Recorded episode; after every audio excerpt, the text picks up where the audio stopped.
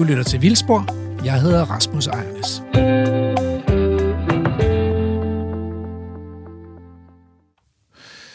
Velkommen til Vildspor. Og som I jo helt sikkert har bemærket, så har Vildspor skiftet sendetid. Øh, vi sender nu ikke længere fra kl. 12.10 til 14, men fra kl. 14.05 til 16. Og det er der jo en grund til. Og han hedder Anders Lund Madsen. Øh, og hvis ikke det var, fordi han var et af Vildsborgs øh, topfans, øh, så ville der jo helt sikkert være faldet brænde ned. Men han, han har simpelthen øh, startet et program på Radio 4, der hedder Bagage.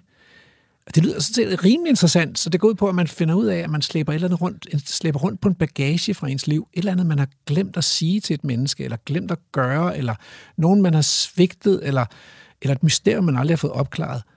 Så kan man kontakte Anders Lund Madsen, og så hjælper han med det i programmet Bagage. Men øh, Vildspor, det skal man altså høre 14.10 til 16 lørdag eftermiddag. Vi har lige været på naturmøde, og det her det er sådan set det andet program i tre, en trilogi af naturmødeafsnit. Og med mig på naturmødet, der havde jeg jo øh, Anne Engedal øh, og Julie Melgaard. Mm.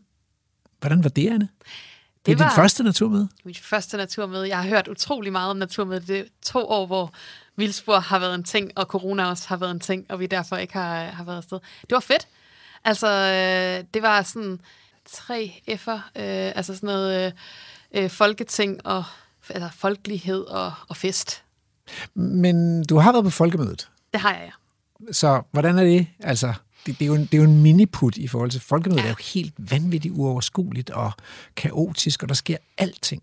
Ja, altså her, i hvert fald når man går rundt sådan, sammen med dig og bærer mikrofonen, så, øh, hvad hedder det, øh, så er det lidt ligesom at være i en klub af venner, mere end, ja. end et folkemøde, der er uoverskueligt. Ikke? Der er lidt fedt og kusinefest over det. Ja, mere fedt og kusine. Men der var også nogle politikere. Ja. Og det, øh, det var jo godt, og det benytter vi os af i dagens program. Øh, så, så vi har interviewet øh, nogle af de der, hvad kan man sige, stemmer på Naturmødet. Politikerne. Og øh, vi har interviewet nogle af aktørerne. Og i første time her, der bliver det politikerne. Mm. Jeg tænker egentlig, at der kunne man godt som lytter måske øh, overveje, vi må godt lave en lille, en lille gæt på forhånd her. Hvem af de her politikere, vi skal tale med, er i stand til at tale om natur og kærlighed, mm. som man tror på dem? Og de tre politikere, vi skal tale med i første time her, det er jo Miljøminister Lea Wermelin, og så er det Maj Villassen, som er leder af Enhedslisten, og så er det Ole Birk Olsen, som er miljøordfører for øh, Liberal Alliance. Så øh, lyt med og spidse ører. Og indimellem så har I forseret det lidt, at du og Julie har været rundt med en mikrofon for ligesom at opfange noget naturmødestemning. Ja, det har vi. Så øh, nogle gange kommer der lyd af, af folkeligheden også. Ja, dejligt.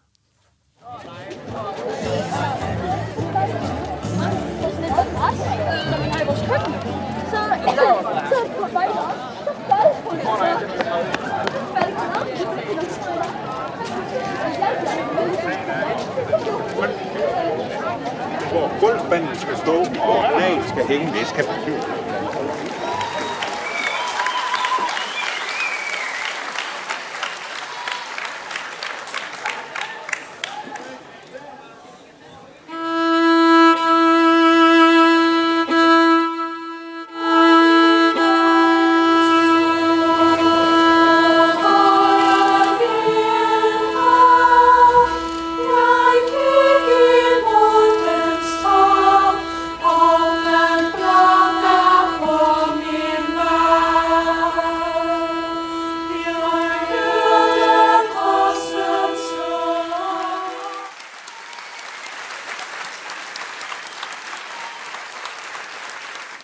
Velkommen til Naturmøde 2022.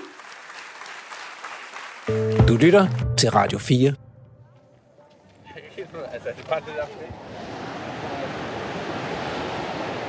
Så er det simpelthen lykkedes at lokke Miljøminister Lea Wermann ud på en, øh, en vandring her i naturen omkring Hirtshals. Tak fordi du var med. Selv tak, det er dejligt. Ja, og dejligt at være her på Naturmødet igen efter flere års coronatørke. Der er også øhm, god stemning, vil jeg så ja, sige. Folk har savnet det, ikke? Og øh, jeg hørte dig jo åbne naturmødet, men hvis nu Mette Frederiksen ringer til dig og siger, nu, skal den, nu er det tid til den store regeringsbrokade, hvad for et ministerium kunne du godt? Jeg synes, du har gjort det godt, Lea. Hvad, hvad vil du være nu? Hvad vil du så sige? Så vil jeg sige, at jeg vil gerne blive hængende. Du kan faktisk godt lide det. Ja, det er faktisk ret vild med det. Men, men altså, i din åbningstale nede i Thunderdome før, der talte du om, at, at det også handler om kærlighed. At vi jo på en måde, selvom vi kommer forskelligt, klædt og fra forskellige sådan tilgange til naturen, så er vi alle sammen samlet af kærlighed til naturen. Ja, det tror jeg er et meget godt sted at starte, fordi der er heldigvis, vil jeg sige, kommet mere debat om naturen, for det er jo også et udtryk for, at det kommet højere op på den politiske dagsorden, i hvert fald det, som vi diskuterer. Det gør jo også, at så, så kan man sige, så går debatbølgerne måske en lille smule højere, og der er man jo nødt til at finde tilbage og ligesom sige, hvorfor er det egentlig, vi alle sammen er så engagerede? Og det er jo også, fordi naturen betyder noget, mm. og det er jo et godt udgangspunkt. Men hvad er det så, der har ligesom vækket din kærlighed til naturen? Kan du... Ved du det? Hvornår jeg tror sket? faktisk, det kommer fra min far, vil jeg sige. Altså, han er lidt en naturnørd. Så når vi var ude og gå tur som børn, så havde han øh, bogen med at slå op, hvad planterne hed, og har forgæves forsøgt at få mig og min søster til at lære navnene på fuglene. Det bekendt, og det alt det der, ikke? Og ja. altså, jeg har selv øh, set utrolig mange øh, naturdokumentarer som barn, og spækhuggeren er mit yndlingsdyr, og på den måde, så har jeg været lidt... yndlingsdyr, altså. Det er jo det fedeste dyr. Ja, det er fedt. Det er virkelig Jeg synes, det er svært at finde et dyr, der er mere sådan perfekt på en eller anden måde.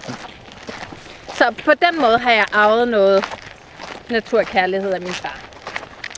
Men, men så nævnte du, at var der et andet nøgleord i din åbningstale, øh, bemærket, nemlig plads. Ja. Altså det forstået som, det er en opgave, vi har som mennesker, altså at give plads til den der natur. Som spækhugger for eksempel, den kræver rimelig meget plads. Den kræver ret meget plads, ja. Og, og også, at det ikke er alt for varmt. Altså, øhm, det er jo det, der tror jeg også provokerer lidt ind i den her debat. Det er jo det, jeg har kunnet mærke, når vi så har planerne om øh, de 15 naturnationalparker og meget mere urørt skov, så er grunden til, at mange reagerer ikke kun det her med de store græsser, det fylder også meget i debatten, men det er jo også spørgsmålet om pladsen. Mm. Hvem skal have pladsen, og hvordan skal de have plads? Mm. Og, og, og man kan jo ikke rykke og gøre noget bedre for naturen, uden at nogen også skal afgive noget plads ja, på en eller anden måde. Ja. Og, og det, det gør jo, at der er mange ting, der, der kommer op til overfladen, øh, fordi det er jo også et spørgsmål om, hvordan vil vi have vores land skal se ud, øh, hvad vil vi have skal være statens opgave, skal staten stadig have lige så meget skovdrift, hvordan skal vores skove se ud i det hele taget, det er jo også sådan et æstetikspørgsmål, har jeg fundet ud af, fordi det med natursynet også handler om, hvordan man synes, ikke bare hvordan pladsen skal være fordelt, men også hvordan der skal se ud. Men, men du har jo sådan set som miljøminister overtaget Danmark, hvor mennesket faktisk har ligesom haft definitionsretten og førsteretten alle steder. Og så har, så har den regering, der sidder nu, jo forsøgt at, at give naturen første retten nogle steder. Og her tænker jeg selvfølgelig på de der naturnationalparker. Mm. Øhm, hvordan, altså det, hvordan har den opgave, hvordan har du oplevet den opgave? Utrolig meningsfyldt. Det er en god start. Så jeg synes, det er det rigtige, vi gør. Okay. Og det er jo godt, når man også står på broen en dag, hvor det blæser lidt. Og det har det gjort lidt på en måde i debatten omkring naturnationalparkerne. Så er man jo nødt til at ommærke efter at sige, er det det rigtige, vi gør? Mm. Og det er jo ikke det samme som, at man ikke skal lytte. Det har jeg også selv gjort i debatten, fordi jeg har et oprigtigt ønske om at finde gode lokale løsninger, som er godt forankret, hvor der er masser af dialog, og hvor man lytter både på borgmester og byråd og nogle af de interesser, som har været bekymret. Mm. Men hvor jeg samtidig også har prøvet at være ret klar omkring, hvad der er min mission. Mm. Og det vil sige, at vi kommer jo ikke, og det er jo det grønne flertal, som der også er i Folketinget, de partier, vi har besluttet det samme med. Vi er jo ret målrettet på, hvad det er, vi gerne vil, men det er jo ikke det samme som, at hele vejen er skåret ud i granit, og det er præcis sådan, det skal være. Mm. Så vi vil jo gerne lytte, men vi har også en mission. Okay, men og hvis jeg så godt må gribe fat i nogle af de ting, som, som udefra har set ud, som om de har været svære, så, så har det jo ikke mindst været at give plads til de der store dyr. Altså det, og det er jo egentlig, det kan godt synes lidt absurd, fordi vi har, der har været store dyr, altså heste og køer i det danske landskab i tusindvis af år, ikke? Landbrugets store dyr. Men nu har, har der så en plan om at sætte dem fri under hegn, og lade dem leve deres eget liv. Hvorfor er det så provokerende? Hvad, hvad, hvad, hvad tænker du om det? Fordi det har det jo været. Det har det. Du kender jo om nogen også debatten, øh, og hvor hård den kan være. Jeg tror både, det er et spørgsmål om, at der er mange, som ikke er så tæt på de store dyr længere. Så der er mm. både sådan et øh, spørgsmål omkring utryghed. Hvad vil det egentlig sige? Kan jeg trygt komme derind? Er jeg inviteret ud i den natur, jeg bor tæt på? Det er ligesom den ene del. Mm. Den anden del handler om øh, vores ansvar for at passe på de dyr, vi har bag hegn. Og det vil sige, hvis man mere ser de dyr som enten kæledyr eller husdyr, så har man måske også et andet forhold til dyrene, end hvis man siger, de dyr har en funktion ude bag det hegn.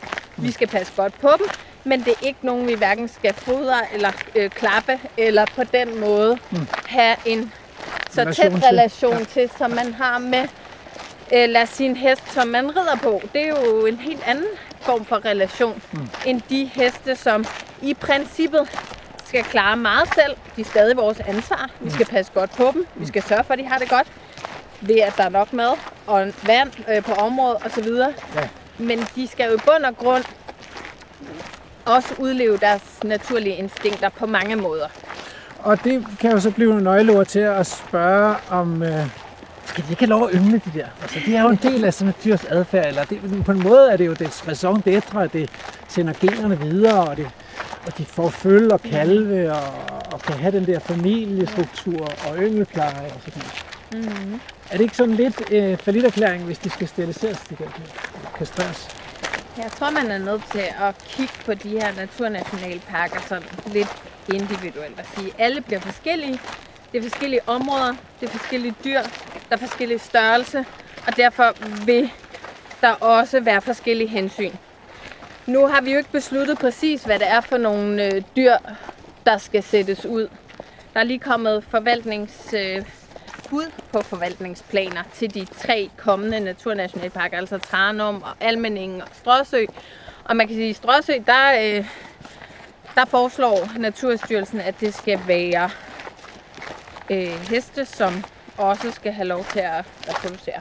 Ja. Så der vil jo være lidt forskel også på, hvad det er for nogle forslag. Og så når man får erfaringer, så kan det jo også være, at, at det giver anledning til at evaluere og sige, hmm, hvordan skal det egentlig se ud. Men, men det er også noget af det, der har ret stor betydning lokalt. Så derfor kommer der til at være lidt forskel.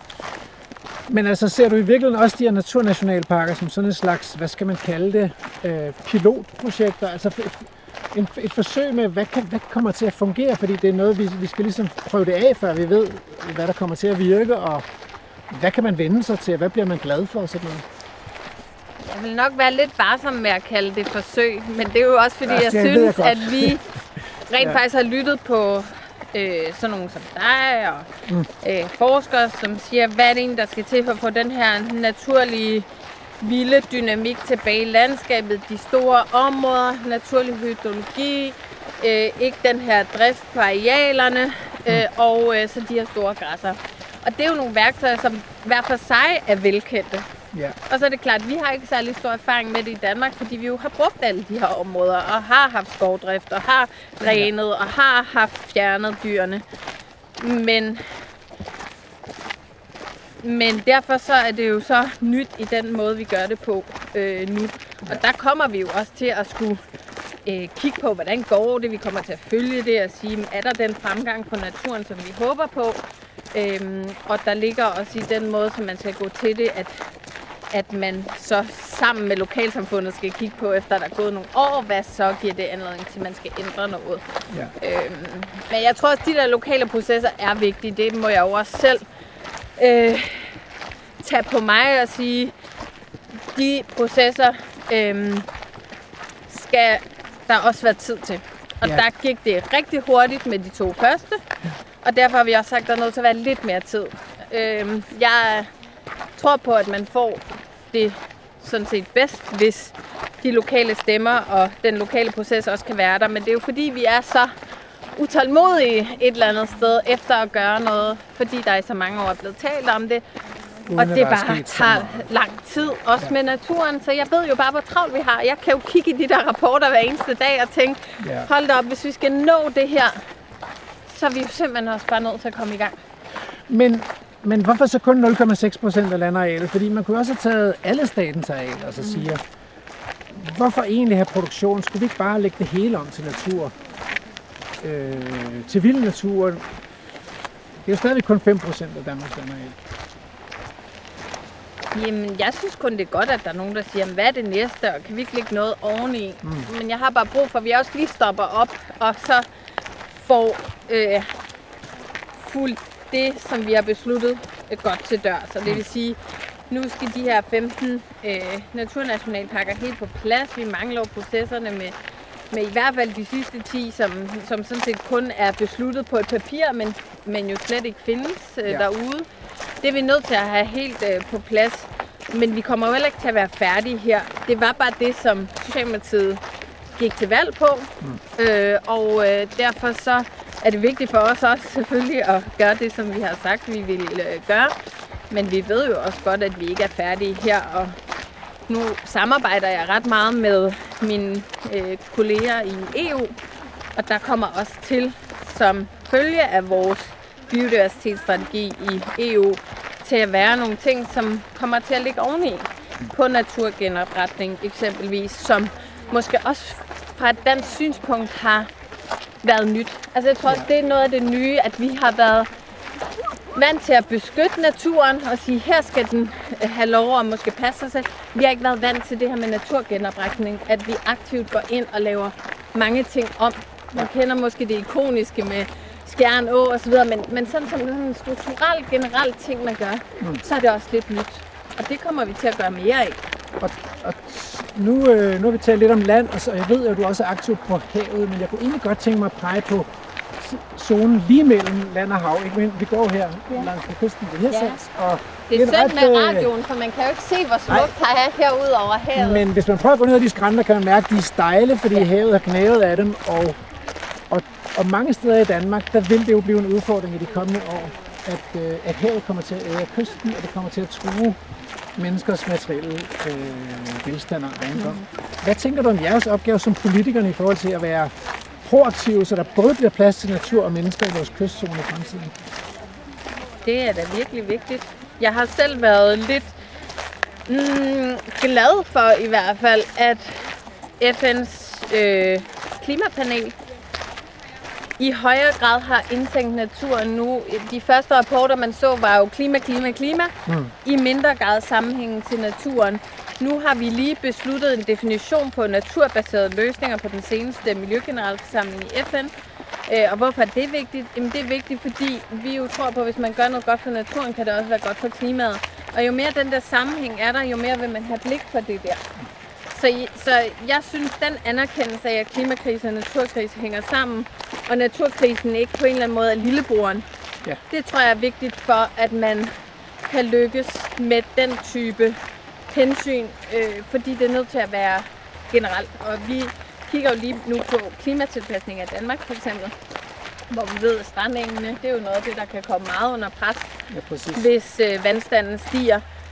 Hvordan vi præcis skal løse det, det er jo ikke nemt.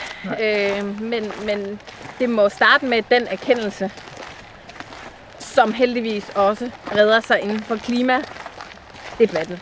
Men kunne man forestille sig, at vi vil komme til et sted, hvor vi som samfund siger, vi kan ikke kun, altså nu har vi vendt os til jo i generationer på generationer, at ekspandere og tage arealer ind til mennesket, at vi, at vi måske i fremtiden skal se ind i, at vi også skal trække os fra nogle arealer for at give naturen plads. Og jeg, nu ved jeg tilfældigvis, jo at altså, det er Boris, Boris Hede er et fantastisk område. Det, det er militærets skyde- og øvelsesområde. Der er noget fantastisk natur. Blandt andet fordi man simpelthen flyttede en landsby, fordi militæret skulle have et sted at øve sig. Kan vi, kan vi se ind i en fremtid, hvor vi kan komme til at flytte, flytte landsbyer, fordi havet skal have et sted at være? Fra strandene. Det er i hvert fald øh, godt for naturen også, at vi har de der store områder, Ja, ja, hvor militæret de øver, fordi det, øh, det giver også øh, plads. Altså, det kan jo være svært at sige, om det er der, vi ender, men jeg tror i hvert fald, at det er meget åbenlyst, at når man øh, kigger på salgstallene for husene, øh, så kan man se, at det, at det er tæt på vandet, det gør bare, at det vil Det folk godt. rigtig gerne have. Det er virkelig et kriterie for, så bliver det solgt hurtigt. Samtidig kan vi jo også se, at det er jo så der, hvor klimaforandringerne måske vil ramme hårdt, så vi er jo nødt til på en eller anden måde at planlægge på en bedre måde, hvor man ikke bygger lige der, hvor vi kan se, at om få år, så øh, vil det være oversvømmet, eller vi skal have en masse Kæmpe- digebyggerier, ja, eller hvad det kan være, for at undgå, at det bliver oversvømmet. Så der er jo noget Der er brug for en fysisk planlægning man skal der. tænke på en anden måde øh, med de klimascenarier, der er. Mm. Og det er også derfor, vi gerne vil have den her klimatilpasningsplan, som ikke er sådan fra det ene år til det andet. Skal vi gøre noget akut? Det er jo mere et spørgsmål om at sige, hvordan kan vi frem mod 2030, frem mod 2050 sørge for, at den kurs, vi har, er gennemtænkt i forhold til de klimascenarier, som vi ved, der vil komme. Mere ekstremt vejr på alle måder. Alles oversvømmelseskilder. Det hele kommer jo i spil. Jeg bliver helt forpustet ved tanken om din opgave på det selvfølgelig, Lea Wermelin. Men Det er da også tak derfor, jeg slet ikke er færdig, ikke? Så jeg er nødt til at få lov til Men nu at er få vi lidt tilbage ved root-scenen, altså, Ja, så nu er vores vi. samtale færdig. Og Ja. tak, fordi du ville øh, gøre os klogere. Jamen selv tak, det var en fornøjelse. Fortsat godt med sådan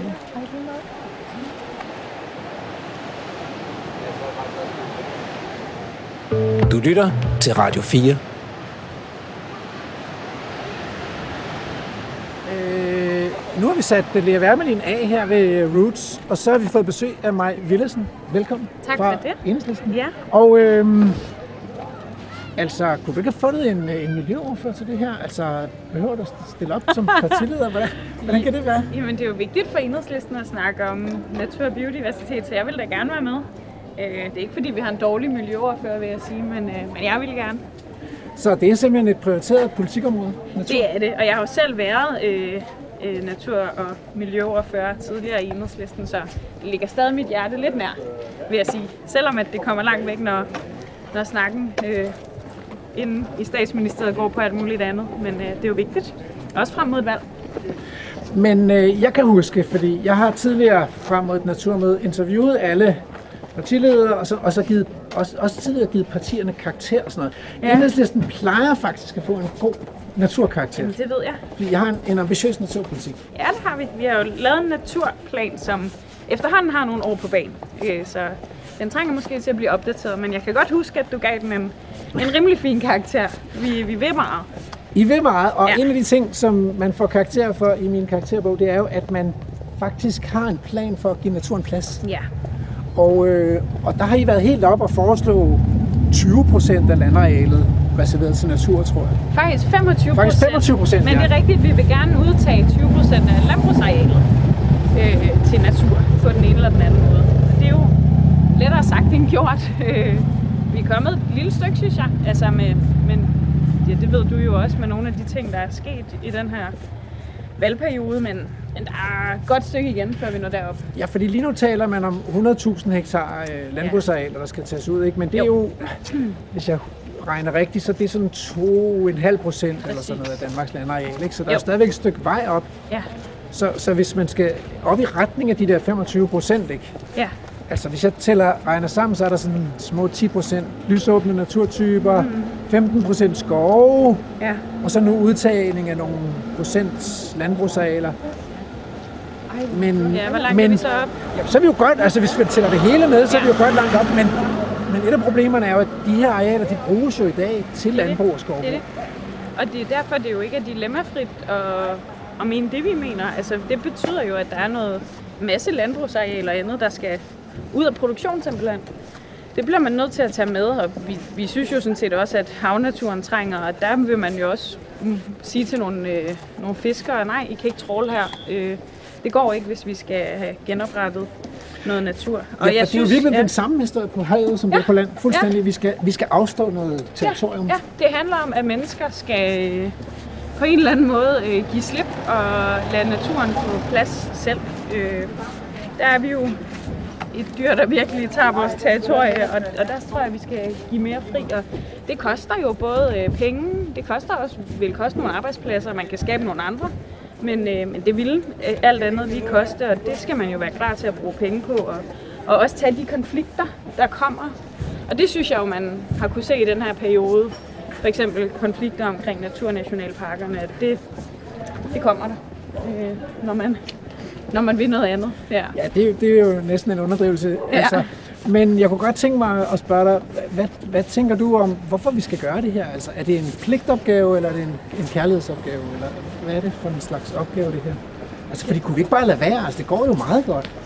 Ja, det kunne man jo på en måde godt. Altså, på den ene side, så kan man sige, at men altså, øh, biodiversiteten er vigtig, fordi altså, vi også har nogle, hvad kan man sige, fødevarer, der skal bestøves og alt muligt andet, men i virkeligheden, så kunne man jo nok godt lade være. Så på en eller anden måde synes jeg også, at, jeg ved ikke, om jeg vil sige, det er kærlighed, men øh, på en eller anden måde synes jeg også, at vi har en opgave som mennesker i, ikke bare at øh, plastre hele landarealet til med korn, bacon og, og veje, eller hvad ved jeg.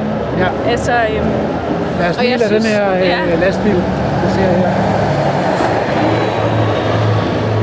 altså jeg, jeg er selv vokset op i en landsby i Vestjylland, og tænkte måske egentlig ikke så meget over, hvad der var natur og hvad der ikke var. Øh, før jeg begyndte ja, at gå, interessere mig for politik og forstå også, at jamen, vi forarmer naturen fuldstændigt, når man læser bare den anden dag, at i villakvartererne er der nærmest heller ikke noget, nogen insekter tilbage, så, så er det jo et kæmpe problem. Og det synes jeg også, at vi som menneske på en eller anden måde har en opgave i at, jamen, at sørge for at gøre noget ved. Skal vi gå op her måske på gågaden? Ja, nu kommer der lige en bil. Lad os gøre det. Øhm, Men det, øh, det, det, altså jeg tror, jeg tror egentlig ikke, du finder særlig mange mennesker, eller folk derude, som siger, nej, vi skal ikke gøre noget for naturen. Man skal bare gøre sig klart, at det også koster. Altså det har også en pris. ja. Ja. Altså, øh, øh, jeg kan huske, jeg tror det var fordi, jeg skulle købe en julegave, at jeg, jeg fik slået op, hvad den danske naturfond sælger natur for. Ja. Og det er øh, 12 kroner for en kvadratmeter. Ja. Og det betyder, at prisen for 1% af Danmarks landareal bliver 5 milliarder, ja. Hvis man regner det om. ja. Øh, og så sad jeg og regnede lidt på det. Men, og så tror jeg, at den, det synes jeg bare var helt enormt mange penge. Indtil det gik op for mig, at de der indefrosne feriepenge. Ja. altså cirka en månedsløn per dansker, det var fandme 100 milliarder. Jamen, der er penge i samfundet. Man kan jo se, med et fingerknips kan et stort flertal finde 18 milliarder, og det er jo ikke en engangsudgift. Det er for evigt hvert år. Hvis man skulle købe de der arealer, så var det en engangsudgift, og så havde vi det. For altid. Ja, så havde vi det jo for altid, og det kunne man jo give til de fremtidige generationer og sige, det er jo meget populært at være grøn, men der snakker man klima hele tiden. Hvad med også at sørge for, at øh, der er øh, biodiversitet og mangfoldighed, øh, også i, i lille Danmark. Øh, jeg tror, vi tror, vi er meget bedre, end vi i virkeligheden er. Ikke? Altså, vi er jo et enormt opdyrket land, øh, og selv vores skove er langt hen ad vejen produktionsskov. Ikke?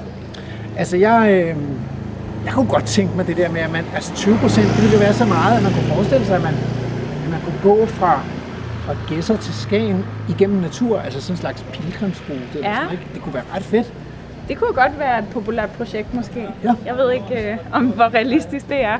Men, Så- men vi ved jo faktisk også, og det synes jeg er underkendt, at selvom jeg synes, at naturen ikke er til for mennesker, så betyder den også noget for mennesker. Psykisk betyder det helt vildt meget for ens trivsel, at man vokser op i nærheden af natur. Og det tror jeg, altså man kan jo bare se, at børn i dag er ikke særlig meget udenfor. Øh, de, altså det er noget helt andet end i virkeligheden, både min, men jo i særlig, særlig grad min bedsteforældres generation. Og det, det, tror jeg, det tror jeg også, vi skal have genoprettet, også for vores egen trivsels skyld i virkeligheden. Jeg kunne godt tænke mig at, at spørge, fordi nu, du kender Folketinget indenfra. Er, er naturpolitik sådan en, en blokpolitik-ting? Altså, det, er, det, er det den røde blok, der ejer naturpolitikken, eller, eller kan man faktisk ikke stille det op sådan i, i højre og venstre? Jeg synes faktisk ikke helt, man kan stille det op sådan i højre og venstre, fordi altså, vi gør det nok med forskellige fortegn, men jeg oplever sådan set også, hvad kan man sige, konservative politikere, som siger, at der er noget værdi i vores, hvad kan man sige, i vores natur, og den skal vi bibevare, og det er ud set med sådan et konservativt synspunkt. Ja. Øh, og, og derfor kan man jo godt have samarbejder på kryds og tværs, øh, og man ser også Liberal Alliance sige, hey, de der naturnationalparker, det er en god idé. Mm. Altså, det, det bør vi gøre. Så derfor så synes jeg sådan set ikke, at man kan sætte det op så sort-hvidt, jeg tror. Men når alt kommer til alt, så handler det om, hvad man vil bruge pengene på. Og der mm. tror jeg måske, at vi vil være mere klar. Øhm, også selvom det kommer på bekostning af noget landbrug og noget industri. nogle veje, eller hvad ved jeg. Men, men jeg synes ikke, det er så sort-hvidt, og gudskelov for det. For det er jo det, der betyder, at vi kan lave noget, der holder, og ikke bare skifter, når valgene skifter. Det er min store frygt med, med noget af det, der vi har Nu er lavet det jo så lidt på videre. mode at, at, at, at beskrive jer som betonkommunister, så... Øh, øh, Natur. Men du, øh, altså I vil godt betale erstatning. Altså I ved godt, at hvis der er nogen, der skal opgive deres rettigheder til den Ja. her plads, så, så bliver man nødt til at betale for det. Selvfølgelig, Ja. ja. selvfølgelig. Det er der ingen tvivl om. Det bliver vi nødt til. Ja. Ja. Og der er jo også øh, altså, nogle, øh, nogle landmænd, som jamen, har ejet jord igennem generationer, men som jeg egentlig også langt hen ad vejen oplever for nogens vedkommende gerne vil være med til, at der skal være mere natur, øh, ja. som godt kan se, at der er en stor udfordring lige nu. Ja.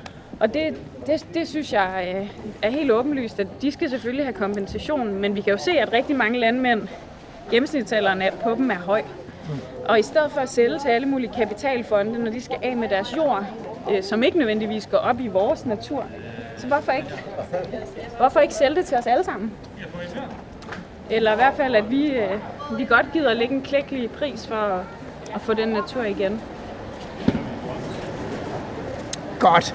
Øhm, DN lavede for ikke så længe siden en, en opinionsundersøgelse, der viste, at selvom der har været meget mange skænderier om, om de her naturnationalparker, så er der faktisk et stort flertal i befolkningen, som ej, det er dejligt. Det har jeg faktisk ikke set. Jeg tror, det var 73 procent. Ja. Og det sjove var, at inden for alle de politiske partier var der et flertal for vild og natur. Selv, godt. selv hos Nye Borgerlige og Dansk Folkeparti. Ja.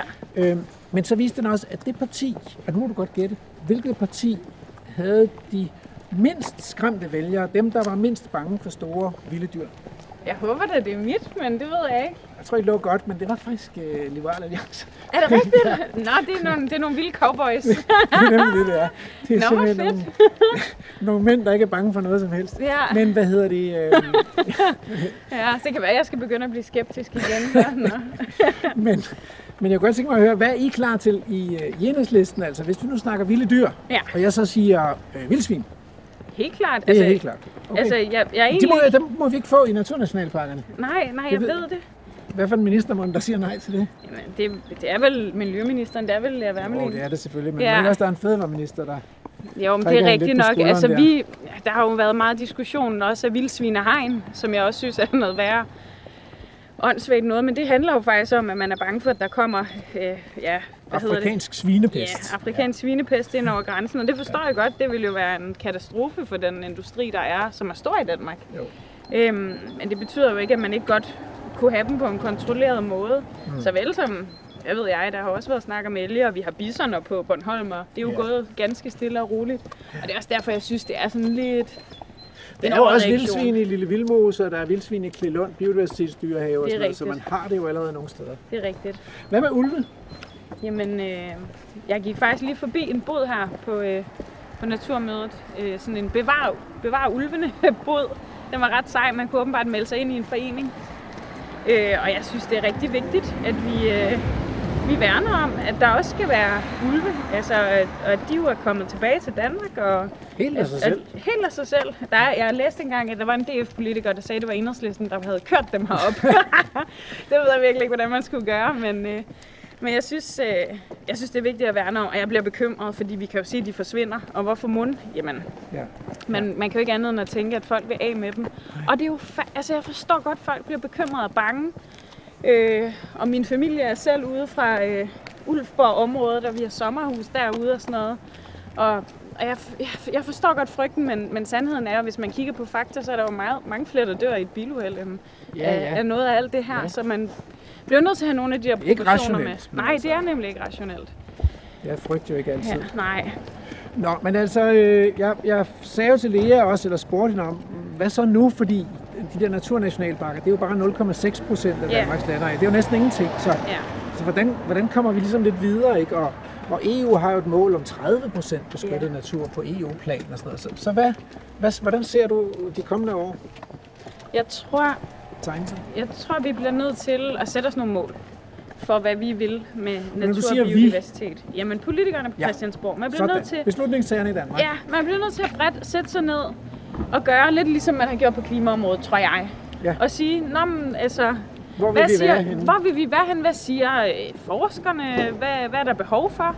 Ja. Og, øh, og, og så sætte sig nogle mål for langt ud i tiden, og så følge op år efter år efter år, kommer vi i den retning. Altså lave en lov, ligesom en klimalov, en biodiversitetslov. Sige, når vi laver øh, planlægning af vores arealer, så skal der være noget, der er til by og, og til sommerhus og til alt muligt, men der skal også være nogle arealer, der bare er til natur. Det håber jeg virkelig, vi kan gøre øh, fremadrettet. Og jeg kan være lidt bekymret for, at nu, nu skal vi drøne ud af med 120 i timen for klimaets skyld, og det skal vi. Det er jeg helt enig i, men vi må ikke glemme, at der også er en biodiversitetsdagsorden. Den bliver sådan meget sekundær, og, og derfor så tror jeg, det er vigtigt, at vi får lavet en regulær lov. Ja, det er sådan, vi skal runde det. Det tror jeg. Så er det jo heldigt, at det ikke kun skal stemmes igennem med røde stemmer, fordi så bliver det jo svært, ikke? Og så, Ja, så kan man pludselig få den omstødt og sådan noget. Jamen, det er det. det er det, og derfor bliver vi nødt til at have nogle flere med os. Øhm, det har jeg egentlig også en forhåbning til at godt kunne lade sig gøre. Men det er klart, så må vi jo så diskutere lidt, hvor målet skal være. Ja. Men, øhm, men det håber jeg. Jeg gad også godt til flere naturnationalparker. Øh, jeg håber, de bliver populære, dem øh, vi har etableret nu, og at folk får lyst til at få flere. Ja. Det kunne også være en måde at komme videre. Med, med dette håb, så vil jeg sige øh, tak, fordi du vil være med Selv tak. i Vildsborg. Gå en runde med os og gør Ja. os lidt klogere. Enhedslistens naturpolitik. Selv tak. Og held og lykke med projektet. Tak. Det bliver spændende. Ja, det gør det.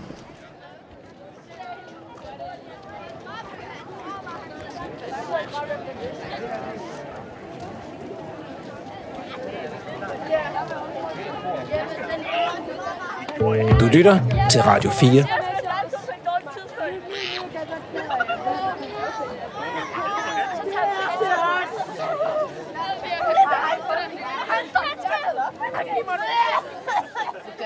Så er det lykkedes mig, at øh, Shanghai Ole Birk Olesen, som er brandvarm efter en partilederrunde, hvor det er jo ikke løgn at sige, at du fik jo nærmest stående bifald, både fra publikum og fra dine kolleger i Folketinget.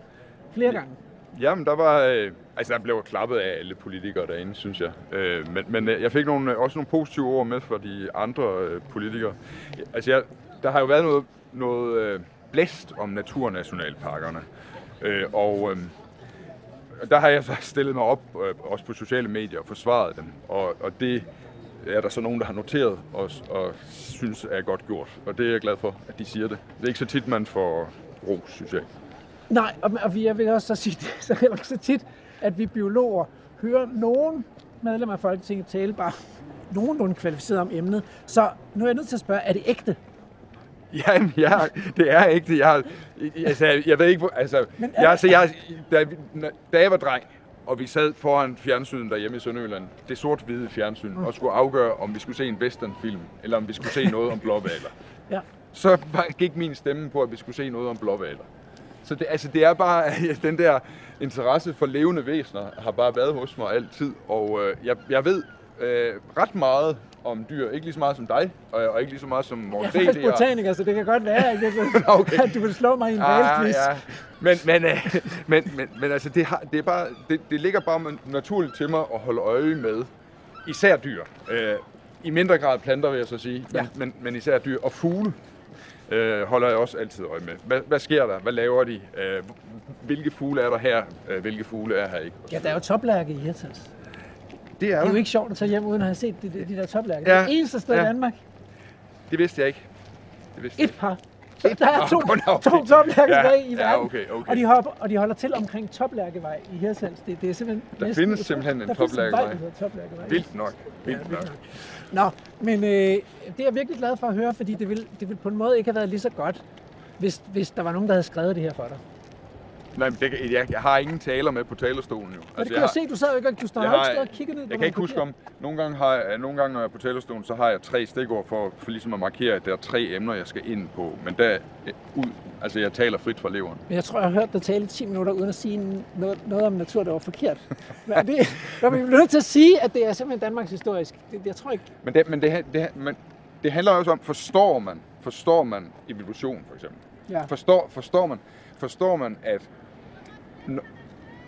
når der ikke er særlig mange arter for øjeblikket, så er det fordi evolutionen fandt sted i et, i en, i et andet miljø, end det, der er i dag. Altså den artsrigdom, som der er potentiale til her, den udvikler sig igennem 100.000, måske millioner det er af år. næsten ingen, der forstår. Øh, og, og, og, og i, i, i et helt anderledes Danmark, end det der er i dag. Og Ja. det vil sige, hvis man ikke har områder, der ligner det Danmark, som bare dengang artsrigdommen udviklede sig, så kan man ikke få den artsrigdom. Øh, og, og, hvis- og hvis man forstår altså sådan noget evolutionære principper, Ja. øh, så er man jo nået langt, synes jeg. Og jeg bliver nødt til at samle mig her, fordi jeg er stadigvæk, jeg forstår, jeg er stadigvæk lidt overrasket, men, øh, men, øh, men hvorfor, hvorfor er det vigtigt at bevare? Altså, det lyder jo nærmest som om, det handler om kærlighed eller sådan noget, fordi jeg synes ikke, jeg har hørt dig sige, at det er for at sikre vores overlevelse. Nej, jeg tror, at vi kan overleve. Øh, altså, der er jo noget med, jeg har ikke sat mig ordentligt ind i det, men der er noget med bierne, som er nødvendige for, at vi kan få- bestøvet nogle planter, som vi ernærer os ved. Det har jeg ikke sat mig ordentligt ind i. Mm. Men, men det, er, det er fordi, det ikke er det, det handler om for mig. For mig handler det om, at altså, jeg synes bare sådan, det er grundsørgeligt, hvis øh, der ikke er den artsrigdom, som der har været. Jeg, i, dengang jeg var dreng, hvis jeg hørte om, at der var et eller andet fedt dyr, der var ved at uddø, øh, så blev jeg øh, grundked af det. Altså, jeg, jeg havde jeg, jeg, jeg havde aftener, hvor jeg lå i min seng og var ked af det, når jeg skulle sove, fordi at jeg havde hørt om dyr, der var ved at uddø. Og, og, det, og, det, er, og- det, er, det er jo sådan set bare det. Jeg synes, det er sørgeligt, hvis, hvis, hvis vi... Jeg kan lide, at der er flere arter omkring os, at vi ikke er den eneste, eller en blandt få arter, der lever på den her klode. Jeg, jeg synes, at vi er for meget alene, hvis der ikke er alle mulige andre levende væsener. Og jeg synes, det er sørgeligt, hvis, øh, hvis der bliver færre og færre. Jeg synes, det er endnu mere sørgeligt, selvfølgelig, hvis det er vores skyld. Altså, en ting er, at, at nogle dyr bliver udryddet, fordi der er en vulkan, der udbryder et eller andet sted, og så... Det sker. Øh, det sker, det sker. Og, øh, og, og, og der sker også nogle... Altså, der kan ske alt muligt, øh, som gør, at øh, dyrearter uddør. Men det, at det er vores skyld, og at det er så stort omfang af vores skyld for så mange arter, det synes okay. jeg er sørgeligt. Men det er jo, det er jo ret vidtrækkende, både forståelsen og, og, og, og motivationen. Fordi det betyder jo, at vi er nødt til at gøre noget. Altså, hvis, ellers så går det jo bare videre, ikke? Altså, hvis vi bare bruger alle pladsen, så er der jo ikke levesteder til de andre arter. Så vi skal have fundet noget plads. Ja, det er det. Og det, er så, det, så må vi ind på det der med, hvor er det, du, hvor er det, du ser, at vi finder den plads henne? Jamen det er, øh, at vi tager udgangspunkt, i hvert fald i første omgang, i at staten ejer 5% af, af Danmarks jordareal. Ja, det er faktisk bare Naturstyrelsen, tror jeg. Ikke? Så Ja. hvis man regner forsvaret og Nå, ja, kirken ja. med, så kommer Ja. et par procent mere Det er oveni. rigtigt. Naturstyrelsen Ja. ja. ejer 5%, Ja. det er det. Ja, fald. Øh, og, og det er størstedelen af de arealer er, øh, så vidt jeg ved, skov, som øh, for størstedelens vedkommende drives kommercielt. Ja. Og, øh, og det er der ikke meget natur i. Altså det, det, det skal folk altså forstå. De, de skal forstå, at bare fordi, at der er planter og træer og grønt osv., så, videre, så er det ikke nødvendigvis natur. Hvis det er en meget ensformig form for plantevækst, for eksempel i en skov, hvor, man, hvor der kun er de store træer, som man gerne vil skove på et tidspunkt og gøre til tømmer, så er der ikke særlig mange forskellige planter, og så er der ikke særlig mange forskellige dyr, og så er, der, så, så er det ikke meget mere øh, natur, end en græsplæne. Og her det vil jeg sige fra, fra forskerens side, at det har Ole Birk Olsen ret i.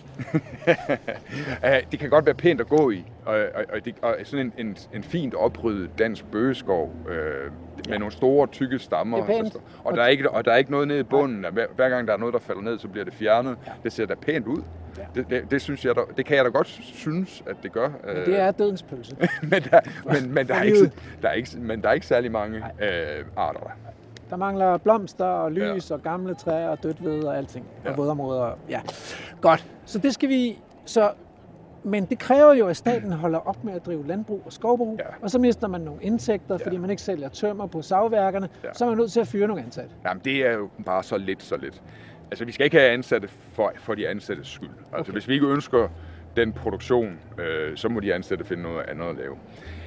Jeg stillede et spørgsmål for efterhånden en del år siden, hvor jeg bad om svar på, hvis vi nu tager al øh, naturskov, eller al øh, statens skov ud af kommersiel produktion, og gør det til urørt skov eller naturskov, hvor, hvor meget vil staten så tabe om året på ikke at få de indtægter? Og svaret var øh, 100 millioner kroner. Ja. Det, det er måske endda en overvurdering, øh, fordi øh, måske undervurderer de deres omkostninger osv. Men, men 100 millioner kroner, og, og selvom det er en overvurdering, det er ingen penge. Det, det er ingen penge, når man sidder, når man sidder sådan øh, ved en finanslovsforhandling, så kan et lille parti, øh, som bliver et af finanslovspartierne, kan få øh, måske 400 millioner til en mærkesag. Øh, og, og, altså, det er et lille parti. Ja.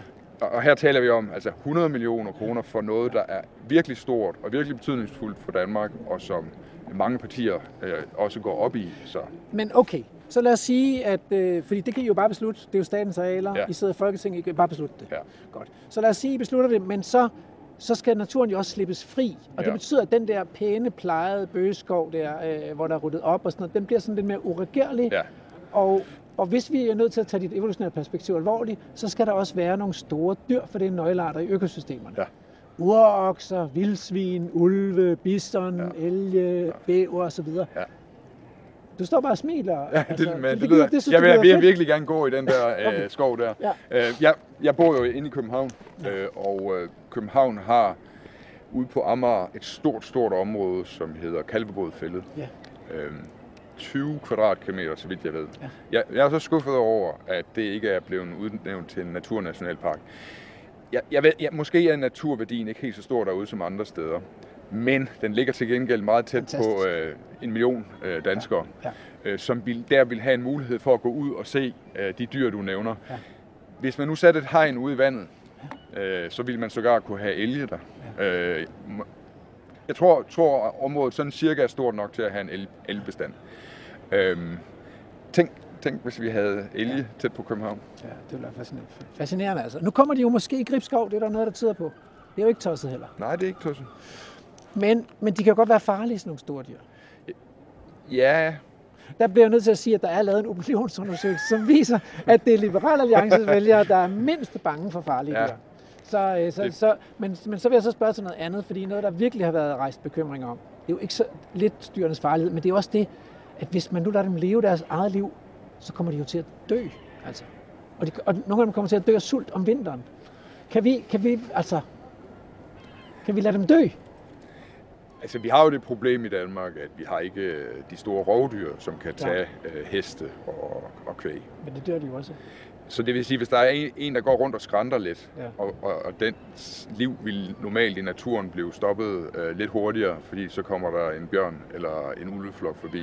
Ja. Øhm, det har vi ikke. Øh, og, øh, så derfor synes jeg, at mennesket der skal træde ind.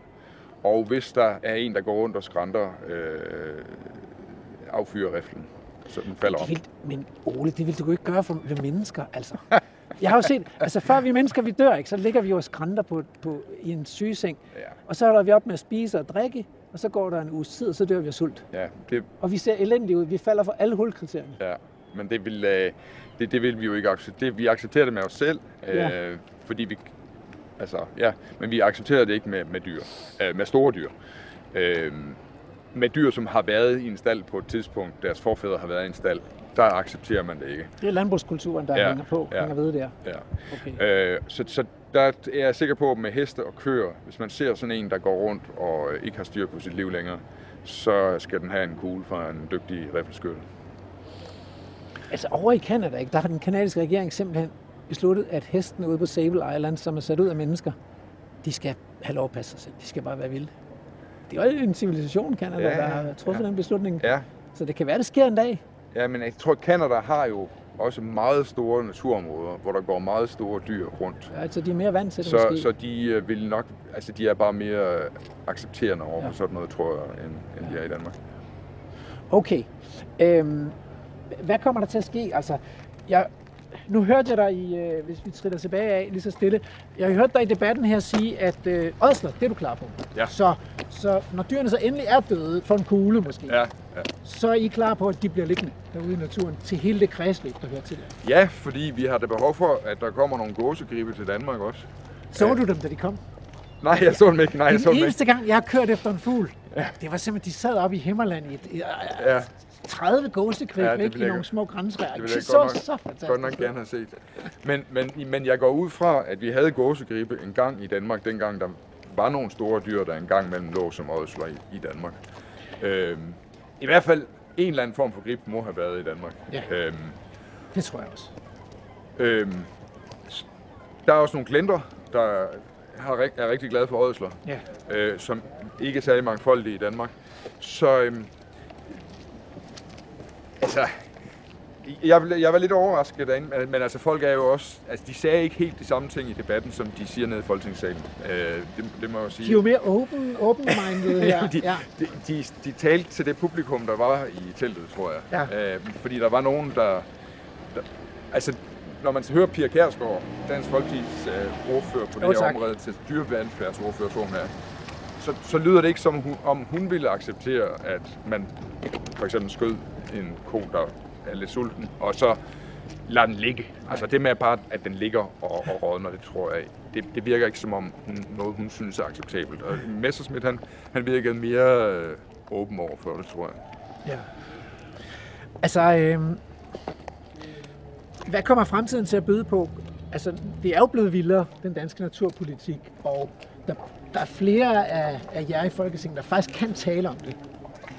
Hvad, hvad, går, det den, går det den vej fra nu af, og får vi nogle forpligtende naturmål? Et, et, et, mit bedste bud, det er, at, at hver regering vil blive punket for, hvad den så gør for at løfte os fra det stade, der var, da den overtog, Ja. til at den går af igen.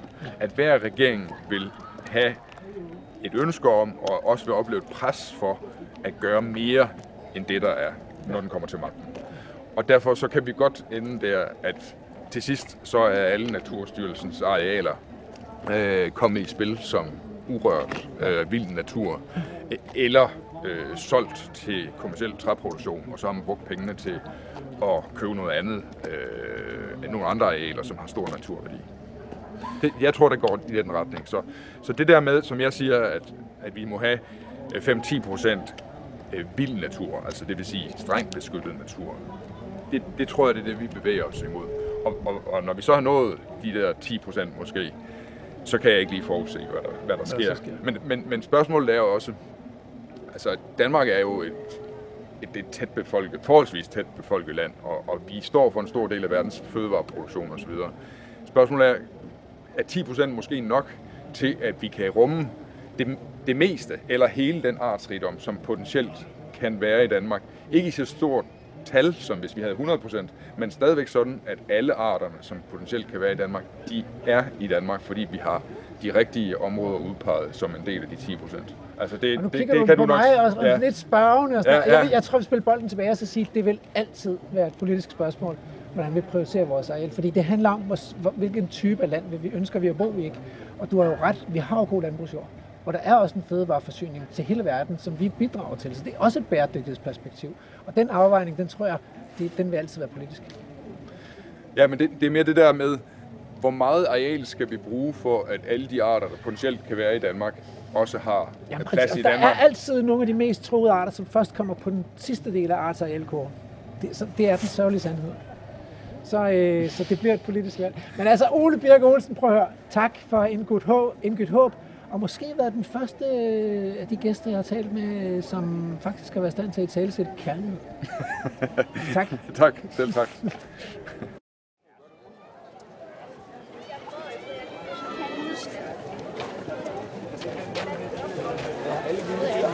bygger op i løbet af sommeren og foråret, forår og sommer, og så taber de lidt. Og det er sådan set... Øh,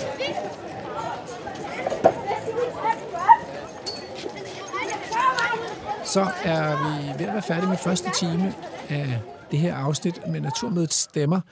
Og øh, i anden time, der skal I høre nogle ikke-politikere, altså repræsentører fra andre, repræsentanter fra andre aktører på Naturmødet, nemlig Maria Gerding fra øh, Danmarks Naturfredningsforening, Lone Andersen, næstformand i Landbrug og Fødevare, og Sofie Gråb Jensen, en øh, repræsentant for de unge stemmer, nemlig aktiv i de unge biodiversitetsambassadører. Så øh, hæng på, og vi vender tilbage i anden time. Der bliver også, øh, ligesom i første time her, sådan, lige sådan nogle, noget lyd, øh, frasering og dekorering øh, fra Naturmødet, hvor de to producer, som var Naturmødet-debutanter, har været rundt og optage sådan lidt stemning. Du godt Ej, ej, du kan godt filme mig. Ej, sådan en. Må jeg lige prøve at snakke ind i sådan en? Du behøver slet ikke komme Hallo? tæt Jeg kan høre dig. Kan du høre mig? Jeg kan høre dig herhenne. Hvad? Vil du godt filme mig? Det er kun lyd. Vil du godt filme mig? Jeg kan optage dig på lyd. Ja. Det gør jeg lige nu. Okay. Hej, hej mormor, jeg elsker dig. Det er mig, Lucy Kent Atter. Programmet er produceret af Videnslyd for Radio 4.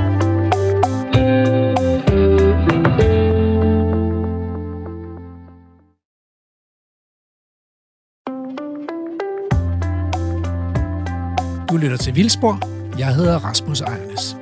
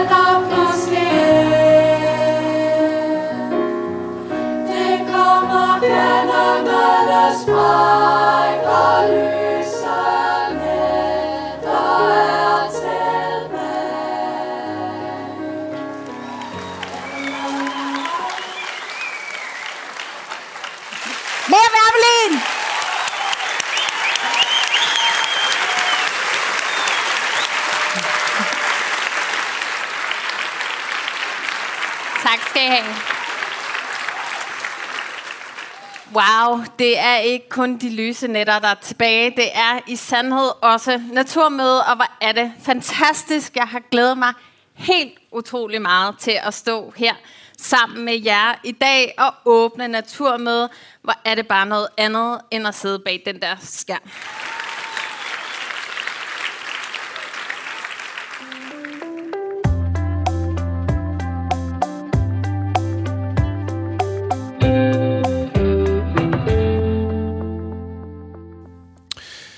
Velkommen tilbage til anden øh, del af Vildsborgs afsnit om Naturmødets stemmer. Og øh, Naturmødet bliver holdt hvert år i øh, Hirtals, og der kommer, Gud og hver mand, havde han sagt, øh, som vi nævnte i første time, måske lidt en fætter kusinefest. Der er rigtig mange, der kender hinanden, fordi så mange er det heller ikke, der arbejder med natur og biodiversitet i Danmark. Til gengæld, så kommer der øh, høj og lav, gammel og ung, både sådan... Øh, alle NGO'erne er repræsenteret, interessenterne, jæger, fiskere, landmænd, altså dem, der bruger naturen, dem, der beskytter naturen, er der også øh, dofferne og Danmarks Naturfredningsforening og Verdensnaturfonden og Øh, og så er der alle de unge, de har endda fået deres helt egen scene, Roots-scenen på Naturmødet. I første time, der talte vi med politikerne, som også kommer. De kommer især første dag, hvor der er partiledere og miljøordførerrunde.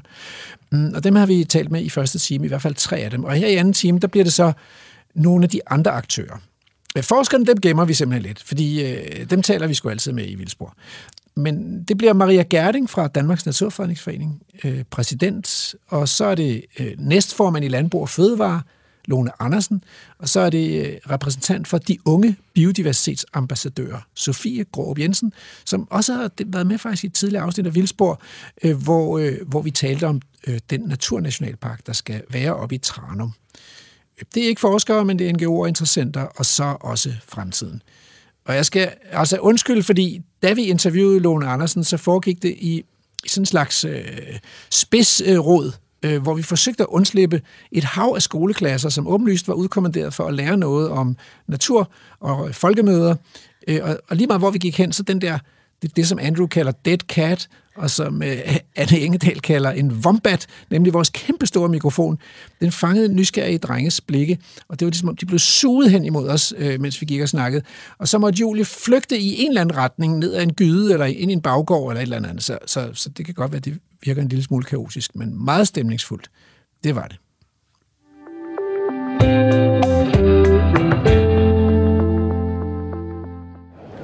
Nu, øh, nu har jeg fanget Maria Gerding øh, midt i et travlt program her på Naturmødet, øh, lige foran Thunderdome. Så nu, øh, nu skal vi have en walk and talk. Tak fordi du vil være med. Selv tak. Og Maria Gerding er jo præsident for Danmarks Naturfredningsforening. Ja. ja. Det behøver jeg ikke sige tillykke med, for det har du været et stykke tid. Men jeg Jo. kan stille dig spørgsmålet. Hvordan er det egentlig at komme fra et travlt liv som folketingspolitiker til sådan en... Øh, det er jo sådan en slags retrætepost som præsident i Danmark, Danmarks Naturfredningsforening. eller, eller, øh, eller har du forregnet dig der, eller hvad? Altså, hvad er hårdest? Ja, der, der tror jeg, jeg forregnede mig lidt, hvis jeg havde troet, at jeg, nu skulle jeg bare læne mig tilbage og hygge Hvile mig. på laurbærrene Ja, ja, og bare være præsident og gå rundt og hygge mig. Ja, det, det, er, det er lige hårdt, vil jeg sige. Øhm, men på forskellige måder. Altså at stå i spidsen for, for Danmarks største grønne organisation, og øh, jo være ude hos alle medlemmerne, være ude hos alle lokalformændene i hele Danmark, øh, samtidig prøve at sætte nogle naturpolitiske dagsordner Mm. nationalt og samarbejde med en regering og med jo partier bredt i hele Folketinget. Det er, jo, det er jo det, man kan som præsident, som man ikke kan, hvis man sidder og repræsenterer et enkelt parti, og det er noget af det, jeg nyder rigtig meget. Det er netop at kunne samarbejde med alle. Alle dem, der gerne vil naturen, miljøet, klimaet, det vi står for. Dem kan man samarbejde, dem kan vi samarbejde med nu. Men altså, øh, det er jo meget godt, men risikerer man så ikke at blive sådan, altså, at blive for runde kanter og blive sådan blød pragmatiker og glemme at sætte sine egne dagsordner? Eller hvor- hvor- hvordan? Fordi der kan man jo godt, hvis man er i enhedslisten, så laver man sin partipolitik, og så er det så er det. det. Men, men nu skal man ligesom lave en politik, der kan rumme alle. Altså, det er jo fandme mange mennesker, der skal rummes i DN's naturpolitik. Ja, det er det, men det er også rigtig mange meget visionære mennesker, synes jeg. Vi er jo lige i gang med at udarbejde en ny naturpolitik, som jo sætter store ambitiøse mål for naturen, især om plads. Hvor meget plads skal naturen faktisk have? Øh, vi vil jo rigtig gerne have 30 procent af arealet, både på land og på havet, bliver beskyttet natur. Vi vil gerne have på sigt, at 20 procent af det skal være vild, selvforvaltet natur, som vi ser i naturnationalparkerne. Det er sådan set de målsætninger, vi lægger op til, og i forhold til, at vi er på under 1% af, af vild natur i dag, jamen så synes jeg da, at vi har, vi har let at realisere. Så jeg synes egentlig, at Danmarks Naturfredningsforening er meget, meget visionære og ambitiøse på naturens vegne. Og hvis jeg nu blev lidt stille, så er det fordi, jeg tabte lige underkæben lidt, fordi det er jo faktisk mere ambitiøst end, øh, end, end EU-parlamentet, som har sagt 30% natur, heraf 10% strengt beskyttet. Ja. Vi siger faktisk, vi, vi kunne godt bytte om på det der, så det var 20% Ja, rigtig vild natur, og så 10% ekstensivt udnyttet natur eller sådan noget. Ja, altså vi synes, man skal være øh, mere ambitiøse. Vi har jo så også en, et pejlemærke øh, frem mod 2050. Vi vil gerne have det udpeget her inden 2030, og så skal man begynde på den her omstillingsproces og få købt Og jeg er godt klar over, at det kommer til at tage lidt tid, det her altså. Ja, det er ikke noget, vi bare lige gør i morgen, og det er Nej. måske der, hvor pragmatismen kommer ind, men visionerne er nødt til at være der. De langsigtede pejlemærker er nødt til at være der. Der er nødt til at være en lov, der tvinger fremdrift ind i det her, fuldstændig som vi ser på klimaloven. Altså den er jo på mange måder inspirerende, synes jeg, for der kan man jo se, at hvis man giver klimaet noget juridisk ret og siger, at vi skal nå et reduktionsmål på 70 procent i 2030, jamen så kommer der faktisk også en fremdrift, der bliver, politikerne bliver tvunget til at fremlægge nogle handleplaner, der skal sikre, at vi når det. Det skal naturen også have. Vi er Mm. nødt til at have en biodiversitetslov, der tvinger fremdrift frem. Og vi synes så, at de langsigtede pejlemærker skal være 30% beskyttet natur og 20% vildt selvforvaltende natur. Altså, er det, er det faktisk derfor, at man har kunne opleve med de her naturnationalparker, at, at der har været borgmestre og andre aktører, som har, som har skrevet breve til ministeren om, at sådan en vil de i hvert fald ikke have. Altså, er, det, er det fordi, at der ikke har været nogen pejlemærker, så, det, så det har ikke været oplagt, hvad, hvad fanden de skulle med de der naturnationalparker? Altså, de havde jo allerede, oppe i Thy havde de jo allerede en nationalpark, så fanden skulle de med en naturnationalpark? Jeg tror, det er jo det er dels, dels pejlemærker, men jeg synes også i meget høj grad, det har handlet om, at vi i Danmark ikke rigtig vidste, hvad det var. Mm. Vi har udnyttet det hele. Vi har ikke noget, typisk set noget vild natur tilbage. Og lige pludselig kommer man og skal jo sådan set give, give slip og give afkald på nogle velerhvervede privilegier, vi har fået som, som mennesker. At det her, det er områder, der er til for os, og vi kan cykle, og vi kan ride, og vi kan gå, og vi kan være der, og vi kan lave orienteringsløb, vi kan alt, og lige pludselig kan man måske, får man at vide, nu er det naturen. Nu er det alle de arter, vi deler verden med, der skal have første prioritet her. Og så kan man spørge sig selv, hvad, hvad så med mig? Øh, betyder det noget for mig? Og de ting, jeg godt kan lide at lave her. Jeg tror, det er jo det, er jo det der har været drivende, og det er jo, jeg synes, det har været en, det har været en hård debat på mange måder, men det har også været sådan lidt en, en interessant debat, fordi at det her med at give plads til naturen stikker så dybt i vores kultur og i vores egen selvforståelse, vores relation til vores naturgrundlag, som jo er gået fuldstændig galt. Altså det er jo den, der er, det er jo den, der har kikset relationen til naturen. Og det er grunden til, at vi står i en naturkrise og en klimakrise. Vi har simpelthen, vi mangler den forbundethed. Vi mangler at forstå, at vores plads i verden skal være lidt mere ydmyg. Og det har de her naturnationalparker altså været inde og frontalt slå ind i. Og det er derfor, det her det er eksploderet fuldstændig ud af proportioner. Og vi står på en plads, hvor der i hvert fald er nogle måger, der mener, at de har første retten. Den er Ja, det må man da sige. Hold overskidt. Øh, sådan et stykke fra af en havnemåle her i Hirtshals. Øhm, øh, hvor vild må den her vilde natur godt være, hvis det står til Danmarks Naturfredningsforening? Altså, der er jo for eksempel de store dyr, dem kunne vi jo godt tage, fordi det har været på mange måder åbenbart noget af det mest provokerende at slippe fri i Danmark, ser det ud til. Øh, det er der har provokeret mange mennesker. Øh, er der plads til ulve? Ja, det mener jeg helt bestemt, der er. De hører til i Danmark. Øh, de skal have lov at være her. Vi mangler jo i meget høj grad rovdyrene i vores, i vores natur og i vores økosystem herhjemme. Man kan sige, menneskerne har jo, har jo været det rovdyr, der har drevet jagt og sørget for at regulere efter de principper, vi nu lægger ned. Og det er ikke altid de rigtige dyr, om jeg så må sige, fra naturens synspunkt. Vi så kommer ud og får skudt. Det kan være, at det er dem, som hvis gevir man gerne vil have med hjem, eller hvad det nu kan være. Så vi har, vi har jo brug for den rolle, ulven spiller i vores natur og i vores økosystemer. Og det er jo det, der er vores kan man sige, pejlemærker for den vilde natur. Der kan vi genoprette nogle intakte økosystemer, hvor tingene hænger sammen, hvor naturen kan klare sig, uden vi skal rende rundt og være forvaltere og file lidt her og skyde lidt her osv. Det er jo det ultimative mål.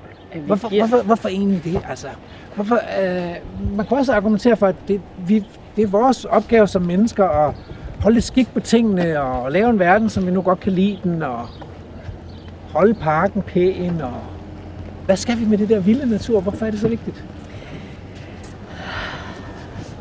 Den vilde natur er vigtig, fordi det er det, er det vores klode består af. Det er det, der gør den så enestående.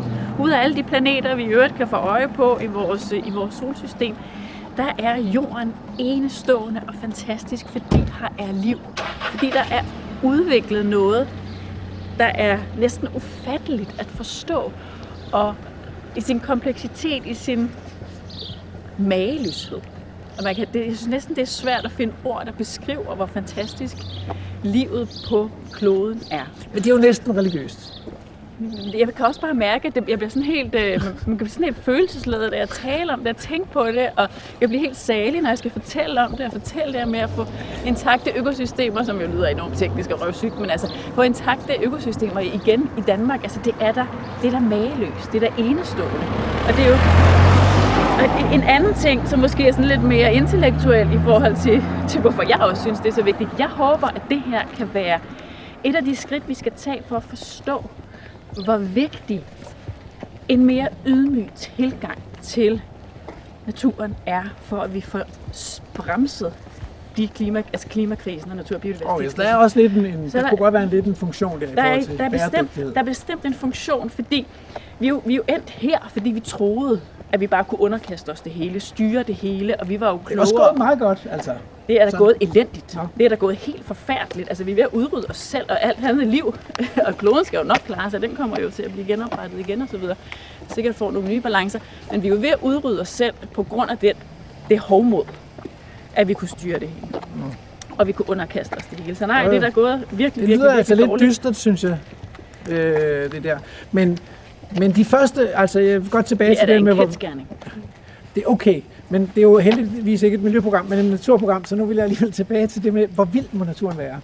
Så de første mennesker, der kom til Europa, de malede jo på hulemalerierne billeder af vilde, vilde heste og vilde okser, men også vilde huleløver og vilde næsehorn. Hvor, hvor, altså, hvor, jeg snakkede med Richard Østerballe for øh, Givskud Zoo. Han sagde, altså hvis jeg lukkede de der løver ud i morgen, så ville de klare sig fortrinligt i den danske natur.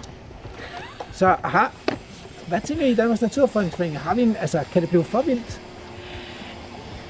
Jeg tror, der er noget, som Naturnationalpark-diskussionen har lært mig, så er det, at man, vi skal knæsætte et nyt, et nyt naturforvaltningsparadigme, men vi skal gøre det stille og roligt. Folk skal lige have mulighed for at følge med. Ja. Øh, så så jeg, jeg er jo ikke en arkitekt, der kan sidde og sige, om det dyr vil vi have, og det dyr vil vi have. Altså, jeg mener, at vi skal have genoprettet nogle kredsløb og et økosystem, der kan fungere selv, uden ja. at vi skal ind som forvalter. Hvad der så i øvrigt skal der ind, og hvornår vi skal gøre det osv., det vil jeg gerne overlade til nogen, der er klogere end mig. Men jeg vil meget gerne have blik for, at vi også får folkeligheden med, at vi sørger for stille og roligt, at folk lærer, hvad handler det her om, og fantastisk er det egentlig. Og det er jo det, jeg grundlæggende tror på, det er, at når man kommer ud og oplever det her, når man ja. ser, hvad naturen giver igen, når man giver den plads, at så kan vi skabe den her begejstring og glæde og ja, Okay, men så, så vil jeg godt til... ønske om at få mere af det. Ikke? Så vil jeg godt til de folk der. Så, øh, der er jo rigtig mange steder i den danske natur, hvor, hvor mennesker ikke har adgang i dag. Og der er også nogen, der tænker, at når nu vi får naturreservater, så er det også uden menneskers adgang. Men, men hvad tænker I i DN om, om det her med menneskers adgang? Altså, burde vi have allemandsret i Danmark for eksempel? Så man kunne komme ud i naturen, også i den private natur? Jeg synes, folks adgang, så altså, befolkningens adgang, er utrolig vigtig. Og jeg tror, hvis vi lærer at gøre det, også lidt mere som den stille beskuer, og ikke som den, der skal fylde det hele, så er der også plads til os derude. Og jeg så meget gerne, at man kunne samarbejde med de private lodsejere om at åbne mere, om, om at få en masse af de stier, der kan også kan gå på kryds og tværs af landmandens bedrifter tilbage, så folk kan komme meget mere ud i naturen. Så ikke sådan øh, allemandsret lige i et skridt, men mere frivillig, af frivillighedens vej. Ja, ja. Man kan sagtens forestille sig, at man fik allemandsret på sigt, men jeg er en lille smule forsigtig med at skulle banke ting igennem. Det tror jeg generelt ikke, at man kommer øh, længst med. Så i det omfang, man kan have en, en, en dialog med folk i første omgang, og med de private lodsejere, øh, og så måske på sigt gøre det, når man har fået de fleste med. Men i det hele taget, frivillighed, der tror jeg, at man kommer længst i første omgang. Ja. Selvfølgelig skal man være klar til at, at tage de lidt store og voldsommere midler i brug, hvis, hvis tingene går den forkerte vej. Men hvorfor ikke glemme den der øh, lille, fæsende, kedelige danske natur, uden nogen enestående arter, vi har været nediset for 15.000 år siden, og så investere pengene i, i Brasilien og Indonesien og Andesbjergene og Østafrika, hvor der er nogle ordentlige store dyr og nogle ordentlige øh, enestående arter og høj biodiversitet, og hvor det jo faktisk ikke går så raste godt. Jeg synes, det er rigtig vigtigt også at have fokus på biodiversitet i udlandet. Nu er jeg så heldig at være præsident for Danmarks Naturfond. Ja, det er rigtigt nok. Det, det kan jeg godt se. Derfor er jeg meget, meget optaget af Danmarks natur. Ja. Og den synes jeg også er vigtig. Jeg synes også, det er vigtigt, at vi herhjemme, hvor, hvor vi bor, Ja. sørger for at gøre det bedre. Og hvis man kigger på, hvor elendigt vi gør det i dag, også i forhold til andre EU-lande, hvor langt bagud vi er på nærmest alt, når det handler om natur. Natur på land, beskyttede områder, beskyttede områder på havet, målsætninger, ambitioner. Altså vi er jo i et land, der ynder at kalde sig et grønt forgangsland, er det jo decideret pinligt. Så jeg må sige, jeg synes, jeg har, øh, jeg synes, jeg har meget at gøre. Jeg synes, vi i Danmarks Naturfredningsforening har rigtig meget at gøre. Og det skal man også huske. Man skal også feje for egen dør, inden man får meget store ambitioner på alle andre landes øh, vegne. Men jeg synes, det er utrolig vigtigt, og jeg er vild med, at der er masser af organisationer, der også arbejder internationalt. Og dem synes jeg, vi skal samarbejde med og bakke op og lære af alt det, vi kan. For vi danskerne bliver også kede af det, hvis ikke der er flere næsehorn tilbage i Afrika. Så. Det gør jeg også. Ja, det er jo det. Ja. Men, men tror du, I kan, til sidst her, tror du, at I kan få politikerne med på det der med at sætte et mål, et arealmål? Fordi det har ikke været nemt at få dem til at tale om det. Nej, altså hvis, hvis du spurgte mig for fem år siden, kunne vi få 15 naturnationalparker og 75.000 hektar urørt skov, så vil jeg nok sige, at det bliver svært, men jeg tror på det. Og det samme vil jeg sige nu, det bliver rigtig svært, men jeg tror på det. Fedt. Jamen, øh, med det håb, så vil jeg gerne sige tak, fordi at, øh, du vil gøre os klogere på DN's naturpolitik.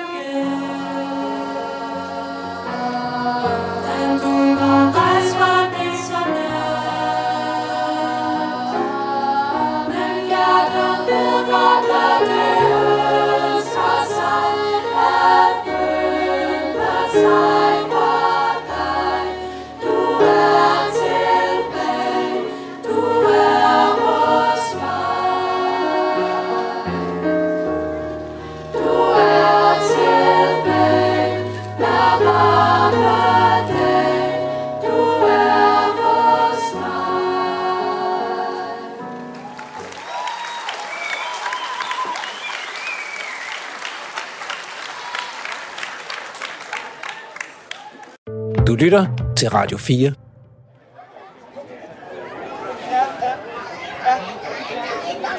Ja, så øh, er vi klar til næste walk and talk her fra Roots på øh, Naturmødet i Hirtshals.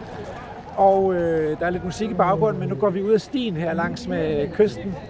Og, øh, og denne gang, så har jeg fået Sofie Gråb Jensen med øh, på vandring. Og du er, du er ung. Ja, ja. Det, har vi diskuteret, hvornår, hvor går grænsen? Ja, det er det. Jeg definerer mig selv øh, stadigvæk som relativt ung. Og du er også med i den øh, sammenslutning af unge, der hedder De Unge Biodiversitetsambassadører. Ja. Er det sådan, øh, det er sådan lidt en parallel ting til de unge klimaaktivister eller sådan noget? Eller er det en udbrydergruppe? Eller hvad, hvad, hvad er det egentlig? Ja, altså det er jo ikke, vi, vi stammer ikke fra klimabevægelsen, men det er meget tænkt som at, øh, ja, som lidt en parallel til, fordi de unge er jo blevet enormt engageret og aktiveret i klimakampen øh, på alle mulige måder. Men, øh, men selve naturdelen og biodiversitetsdelen har ligesom øh, haltet lidt bagefter. Så den har vi taget øh, på vores skuldre. Og, og der er jo det, i hvert fald den parallel, at det er os gamle, der har smadret verden, og det er jer unge, der overtager den. Så værsgo. ja, jamen, øh, jeg tror faktisk ikke, vi har den tanke sådan øh, så meget på den måde. Vi, altså, vi, øh, vi brænder meget også for, for at formidle, fordi det er jo den her klassiker med, at øh, det, man ikke kender til, jamen, det er også lidt svært at holde af. Hvorimod, at hvis man hører nogle af de gode historier, jamen så, øh, så får man lyst til at passe på de ting, man hører om. Så det er jo den ene fod, vi står på, og så bliver vi jo inviteret til alle mulige arrangementer på Naturmødet, og vi sidder med i interessantgruppen for Naturnationalparker, og så vi, så vi laver også en del politisk arbejde og skriver læsebrev og så videre. Okay, men jeg kunne godt tænke mig at høre, om I også er deprimeret. Altså, fordi øh, det er jo en ret kendt ting, det der med, at unge bliver klimadeprimeret. Altså, for simpelthen den der afgrundsdybe, både sådan angst og depression og udbrændthed i forhold til det helt håbløse perspektiv med, at klimaet bare forandrer sig. Og altså, er det også en følelse, der, der findes hos de unge biodiversitetsambassadører?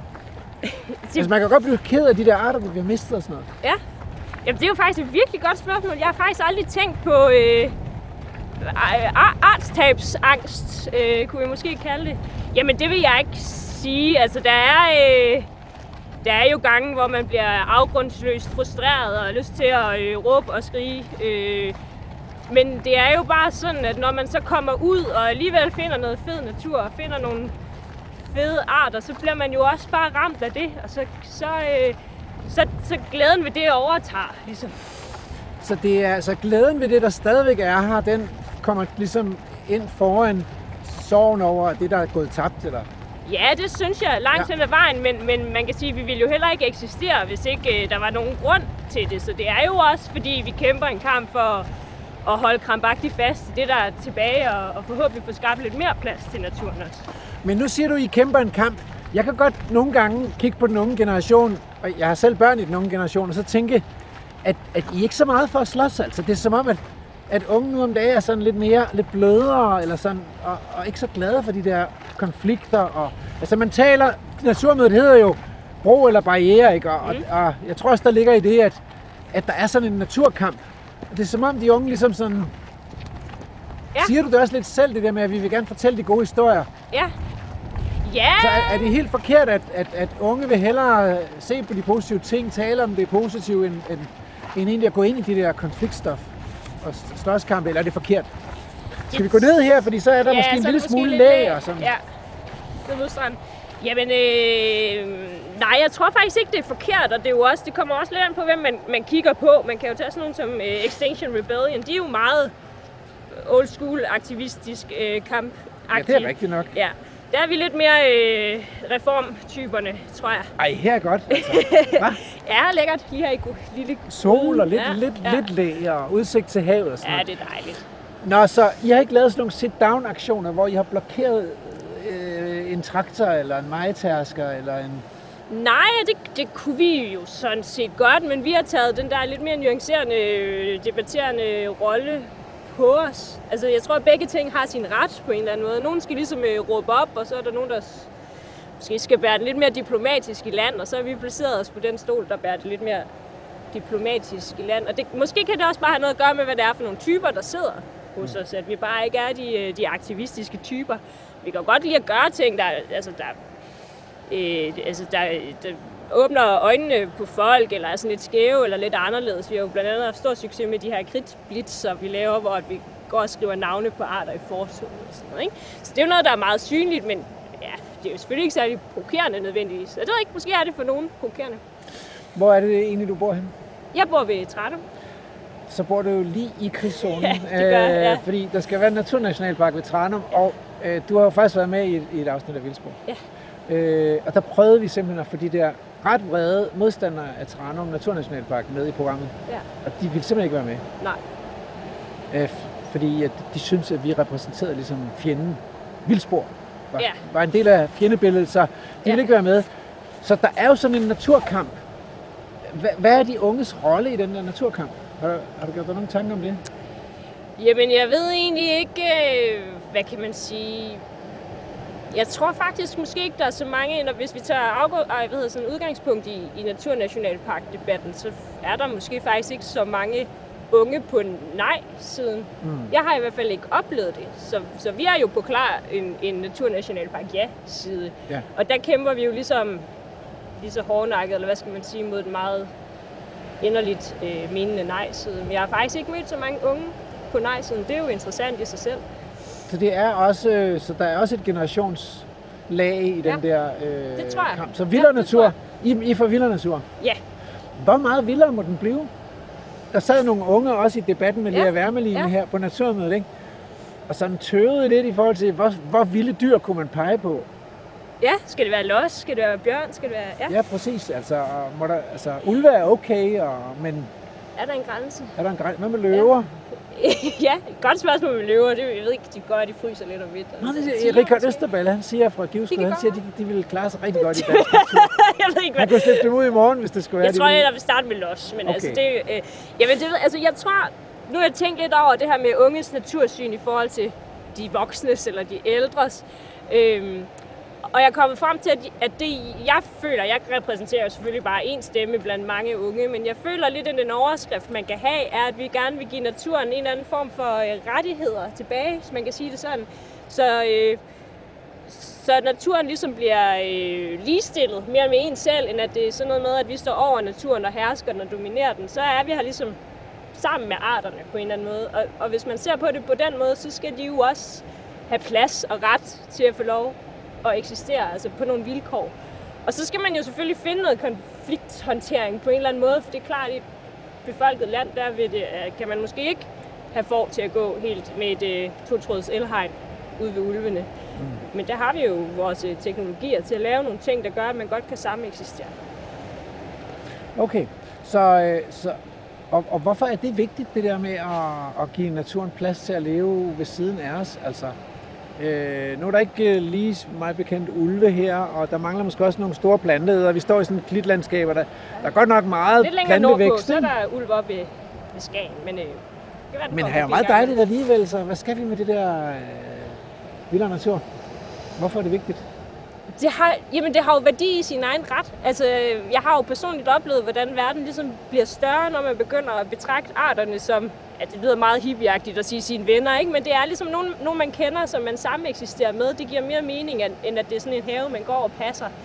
Og så skal der jo så ske et eller andet med, at vi ligesom skal erkende, at jamen, det, det er faktisk ikke naturligt, at der ligger en masse dødt græs for flere år hen over hinanden, fordi naturligt ville der have været nogen, der kom og spiste det op løbende. Så, så vi skal jo ligesom langsomt have ændret den der baseline med, hvordan, er, hvordan ser natur egentlig ud i virkeligheden. Og der tror jeg faktisk, der sker rigtig meget nu. Der er mange unge, der stiller spørgsmålstegn. Der er mange unge, der godt kan forstå det, når man forklarer det. Jeg er selv gymnasielærer, de er helt med på de der ting, når jeg fortæller om det. De kan sagtens se, at selvfølgelig kan der komme en lille viol op af det der førne der. Øh, de skal lige have det fortalt, og så er de helt med på det. Så giver det virkelig god mening. Okay, øhm, men noget af det, der virkelig har været snak om, det er jo også, at de der dyr, de skal så have det godt jo. Så og der er jo problemet er, hvis man slipper dem helt fri dyrene, så parer de sig, og så bliver der flere og flere dyr. Det de det så længe de hygger sig, så øh, bliver de flere, ikke? Mm. Så der er ikke sådan noget fødselskontrol eller familiekontrol og sådan noget. Og på et tidspunkt, så bliver de så mange, så så har de spist det hele, altså. Mm. Så slipper maden op, Mm. og så skal nogle af dem jo, så skal nogle af dem jo dø, altså. Ja. Og ude i naturen, hvis man ser på naturlige økosystemer, så de der store pattedyr, de dør jo rask væk af sult og svækkelse om vinteren. Nogle af dem dør, fordi de bliver taget af rovdyr, men der er også nogle, der bare dør af sult og svækkelse. Ja. Det har virkelig været et stridsspørgsmål. Ja. Er, I, er I klar til at, at give dyrene fri til det hele? Hele fra fødsel til død?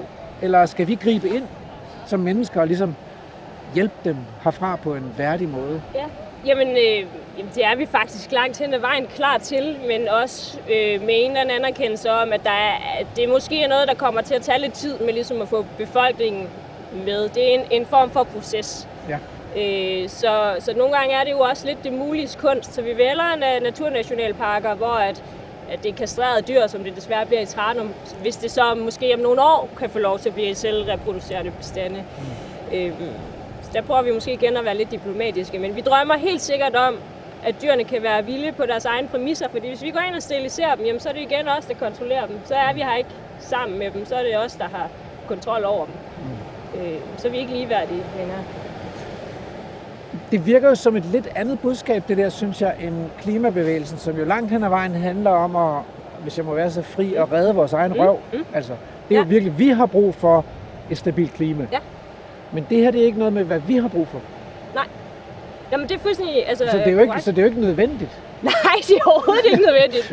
Men altså, man skal ikke være sammen os mange gange på en felttur, tror jeg, før man kan se, hvorfor det alligevel er meningsfuldt, og hvorfor det har noget værdi, som ligger ud over, at det er nødvendigt.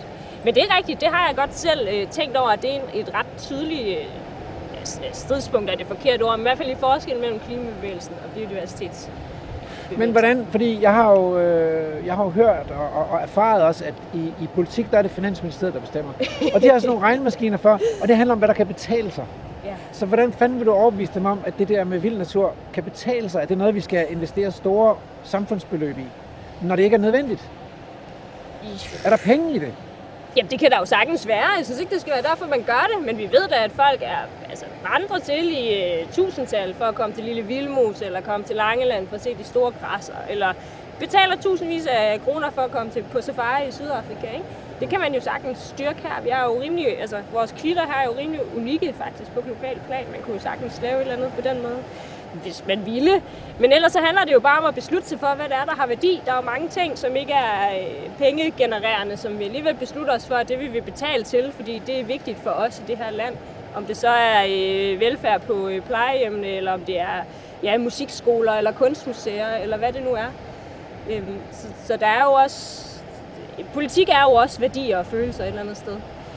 Så, så det kan man jo godt beslutte sig for. De der, de der heste, ikke? Ja, ja. Altså ude på Voldslaboratoriet for eksempel, eller nede på Langeland eller sådan noget. Er de vilde? Det er jo den store debat. For mig gør det måske... Ja, det ved jeg ikke. Der er nogen, der går meget op i det der ord, om de er vilde eller ej. Jeg tror faktisk ikke, det er så vigtigt for mig, om vi kalder dem genforvildet, eller udsatte, eller tamheste. Øh, præmissen er ligesom bare, at de, de får lov til at, at leve deres Men, liv. men hvorfor er de så mere spændende end de heste, der står øh, inde på rideskolen? Dem kan man jo gå hen og fodre endda.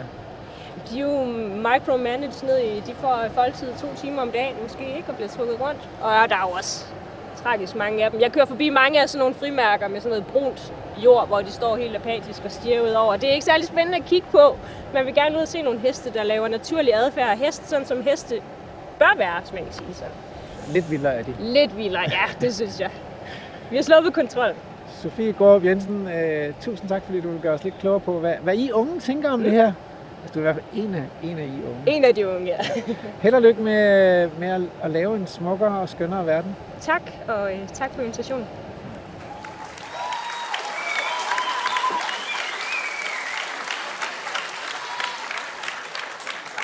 Nu kommer lyderne igen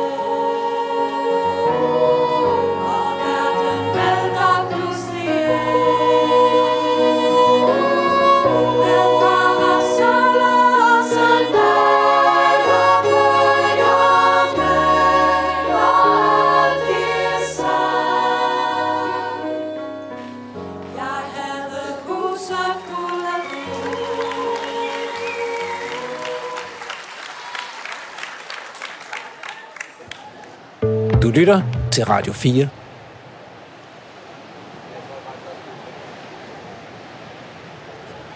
Vi drejer hernede, eller hvad? Ja, det gør vi. Ja, ja. Nu er det lykkedes mig at fange næstformand i Landbrug og Fødevare, Lone. Andersen til en snak. Og jeg, jeg, jeg bliver ret spændt på den her. Vi har en walk and talk, vi har 15 minutter. Og øh, jeg har meget, jeg godt vil ende med, og jeg tænker, at vi skal lave mange øh, lokumsaftaler her. Nej, det skal vi ikke. Men jeg vil gerne høre lidt om, fordi du har været på det her naturmøde alle årene. Jeg tror, jeg mødte Ja. dig alle årene her. Ja, det er rigtigt. Hvorfor det? Altså, Fordi jeg synes, det er sådan en vigtig dagsorden. Jeg tænker jo simpelthen, at hvis vi havde været lige så øh, slappe i prioriteringen, når vi skulle øh, prioritere vores ældrepleje, eller børnehaver, eller vores virksomheder derhjemme, som man har været omkring at opprioritere og gøre noget ved biodiversiteten, jamen så har jeg jo aldrig haft, så vi har aldrig haft de virksomheder, så har vi ikke haft de, øh, den udvikling. Altså, jeg, jeg, jeg tænker jo, det gælder jo om, at man man ved, hvad man skal gøre, og man så politisk prioriterer det, og så får sat gang i det. Jeg ville jo ikke have haft min virksomhed derhjemme, hvis jeg ikke sørger for hele tiden at blive dygtigere til at, at producere mælk, producere fødevarer, til foder til vores dyr. Jeg, jeg, jeg prøver på at blive bedre hver eneste år. Og, så fortæl lige lidt Ja. igen det der med, du er selv landmand Ja, det er økologisk øh, mælkeproducent inde i Jylland. i Vestjylland. Ja. Ja, Og, øh, og noget af det, jeg husker dig for, fra, fra, de her, fra nogle af de debatter, vi har haft på de tidligere naturmøder, det er præcis den der, kunne vi blive, kunne vi blive lidt konkrete, så vi kunne komme videre? ja, altså, ja. det der, vi Simpelthen. kan jo ikke bare snakke. Nej, Der skal altså, måske et eller andet. der skal noget handling til. Ja. Altså, når vi ved noget, og vi kan gøre noget ved det, så må vi sætte det i gang. Øh, men er det, er, det fordi, er det fordi, du er vant til at arbejde praktisk med tingene? Altså, man, man kan jo ikke høste, hvis ikke man også har sået. Altså. Nej, sådan er det. Jamen, Ja. ja. det, det, jeg kan rigtig godt lide, at når man har lavet en plan om at gøre noget, så, så sætter man næsten i sporet, og så får man det gjort. Men en af de ting, som du har været med til at sætte på dagsordenen, det har været biodiversitetsrådet. Det er jo faktisk kommet. Ja. Så Det er altså, der sker jo noget. Det gør der, ja. Og så, øh, og så har I jo også i Landbrug og Fødevare været med til sammen med Danmarks Naturfredningsforening og presse på for at få udtaget nogle af de her øh, kulstofrige lavbundsjord. Ja, det er vi rigtig glade for og stolte af, og det er faktisk pralt, og, øh, øh, pralt over i hele verden, øh, både Men- i Europa, og det, det er fordi, det er den samme overalt, at der er en konflikt. Øh, og vi har så pludselig lavet, der er en konflikt om, for, måske for landbruget og så for nogle grønne organisationer, men her har vi lavet noget fælles, og det er faktisk noget, der kan flytte noget. Og det er rigtig godt. Men, men det kan man vel, det får man vel ikke altid, kan man ikke altid vente at få ros for, fordi det er jo også sådan, man er nødt til at, at, gå lidt sådan i forhandlingsrum med, med sådan fjende, eller opgive de klassiske fjendebilleder. Måske er det Ja, virkelig det, det ja, handler om. ja. Og det, det vil der være nogen, der, der tænker, ej, der er, der, altså, men måske har det været sværere for, for Maria Gerding i Danmarks Naturfredningsforening, det der med, ej, ej, ej, ej, ej, lad op til med landbruget. Ja. Hvad er nu det for noget? Øh, jeg er ikke sikker på, at det har været sværere for hende, end det har været for os. Okay. Fordi at der, vi har også haft nogen, der tænkt, ej, med DN, der simpelthen har været inde og, og, og bremse det ene og det andet for Ja, ja. nogle ja, vores man erhverv. Hvordan kan vi da gå ind og gøre det? Ja. Ja. Så vi har også haft en stor formidlingsopgave, men øh, det er taget godt imod, fordi vi øh, går jo ikke ind og laver en fusion. Vi bliver jo ikke gift med hinanden, de to organisationer. Vi er jo stadigvæk, øh, vi er stadigvæk uenige om mange ting. Vi er bare enige om måske 10-20 procent. Ja. Og så er der plads til den anden uenighed, det parkerer vi bare. Ja. Og så koncentrerer vi os om det, vi er enige om, om at tage de her 100.000 hektar jord ud. Lavbundsjord. Okay. Og det bringer mig måske videre til, til den der store opgave, som jeg tror har været på dagsordenen på alle naturmøder, nemlig spørgsmålet om, hvordan finder vi plads til naturen? Ja. Altså, øh, og, og hvis man ser på, hvem er det, der i dag råder over den plads, vi har i Danmark, så er det jo, altså, det kan da godt være, at staten har 10 procent. Det kan også godt være, at vi bruger 10 procent af landet til byer og veje, men så er der stadig 80 procent, som jo i store træk er ejet af landmænd. Ja. Og skovdyrkere, men, øh, men altså private øh, skovbrugere. og landbrug. Ja, ja. Så I er jo ret oplagt at tale med, hvis man skal Ja. finde noget plads. Ja. Øhm, altså, det kunne jeg godt tænke mig at udfordre lidt på. Så hvis jeg nu siger, hvad med de der paragraf 3 arealer, de beskyttede naturområder, som, hvor man alligevel ikke må omlægge dem. En stor del af dem i hvert fald ikke. Altså, man må omlægge nogle af engene, men, men hederne og overdrevene af engene, eller moserne og, og naturengene, må man ikke omlægge, fordi det er de, de er beskyttet. Kunne man ikke altså, tage dem mere sådan rigtigt ud, og så sige, nu må de, kan de godt, kunne de godt være vild natur. Øh, Store græsne dyr, og, ja, ja, og med naturlig hydrologi. Og, ja. Altså nu er det jo sådan lidt ømfindelig en, den her med, med paragraf 3 jorden, fordi den er jo kommet øh, lidt som tyv om natten, øh, og, og der så ikke er nogen form for kompensation for, at man pludselig har købt ens jord øh, og betalt det eller har måske har lån i det, og, og, og så har, er der ikke kompensation for, at der er nogle mange ting, altså man ikke må... Det er det her erstatningsfri regulering. Ja, at man lavede det præcis. dengang, man lavede det, så sagde man, prøv at høre, I har noget natur derude. Ja. Den må I ikke intensivere driften af. Ja. Det er vi jo ikke helt... øh, Det, vi Det er I ikke fan af. Det, nej, det er vi jo ikke, fordi... At, ikke, det øh, hvornår sker det så igen? Ikke? Ja. Også fordi, at Ja. vi har jo købt og betalt vores jord og øh, vores ejendom, og, øh, og derfor så... Det er fint i, i et lavbundsareal og andre steder. Altså, man skal jo have noget, øh, noget for noget, for at få det til at, at, at virke. Ja. Men vi er jo helt enige i, at der skal jo være plads til naturen. Det er godt, at er statens arealer, man går ind og gør noget der, og vi skal også gøre noget i den lille natur ude i de åbne arealer. Og nu snakker vi om visioner. Jeg håber jo, at... Øh, jeg kunne godt tænke mig, om, at man gik ind og blev lige så passioneret om, hvad man ville gøre ved sin natur på sin ejendomme, fordi vi jo netop har så meget jord, og vi har mange hjørner og øh, søer og alt muligt. Vi kunne blive lige så passioneret som landmand og lave erfagrupper om, hvordan vi laver den bedste natur på vores ejendomme. Men det lyder som om, I vil gøre noget af det her frivilligt. Øh, der er jo mange, der gør noget frivilligt også. Ja. Øh, helt sikkert. Øh, men, det, men, men vi er så også lidt bange for, der er også sådan en, en arbejde bare, vi er også lidt bange for. Jeg har to søer derhjemme, to grusgravsøer derhjemme. Jeg har en mælkeproduktion. Og jeg går og følger med i, hvor mange spændende ting, der kommer i de her søer, øh, de grusgravsøer. Øh, råstofgrav.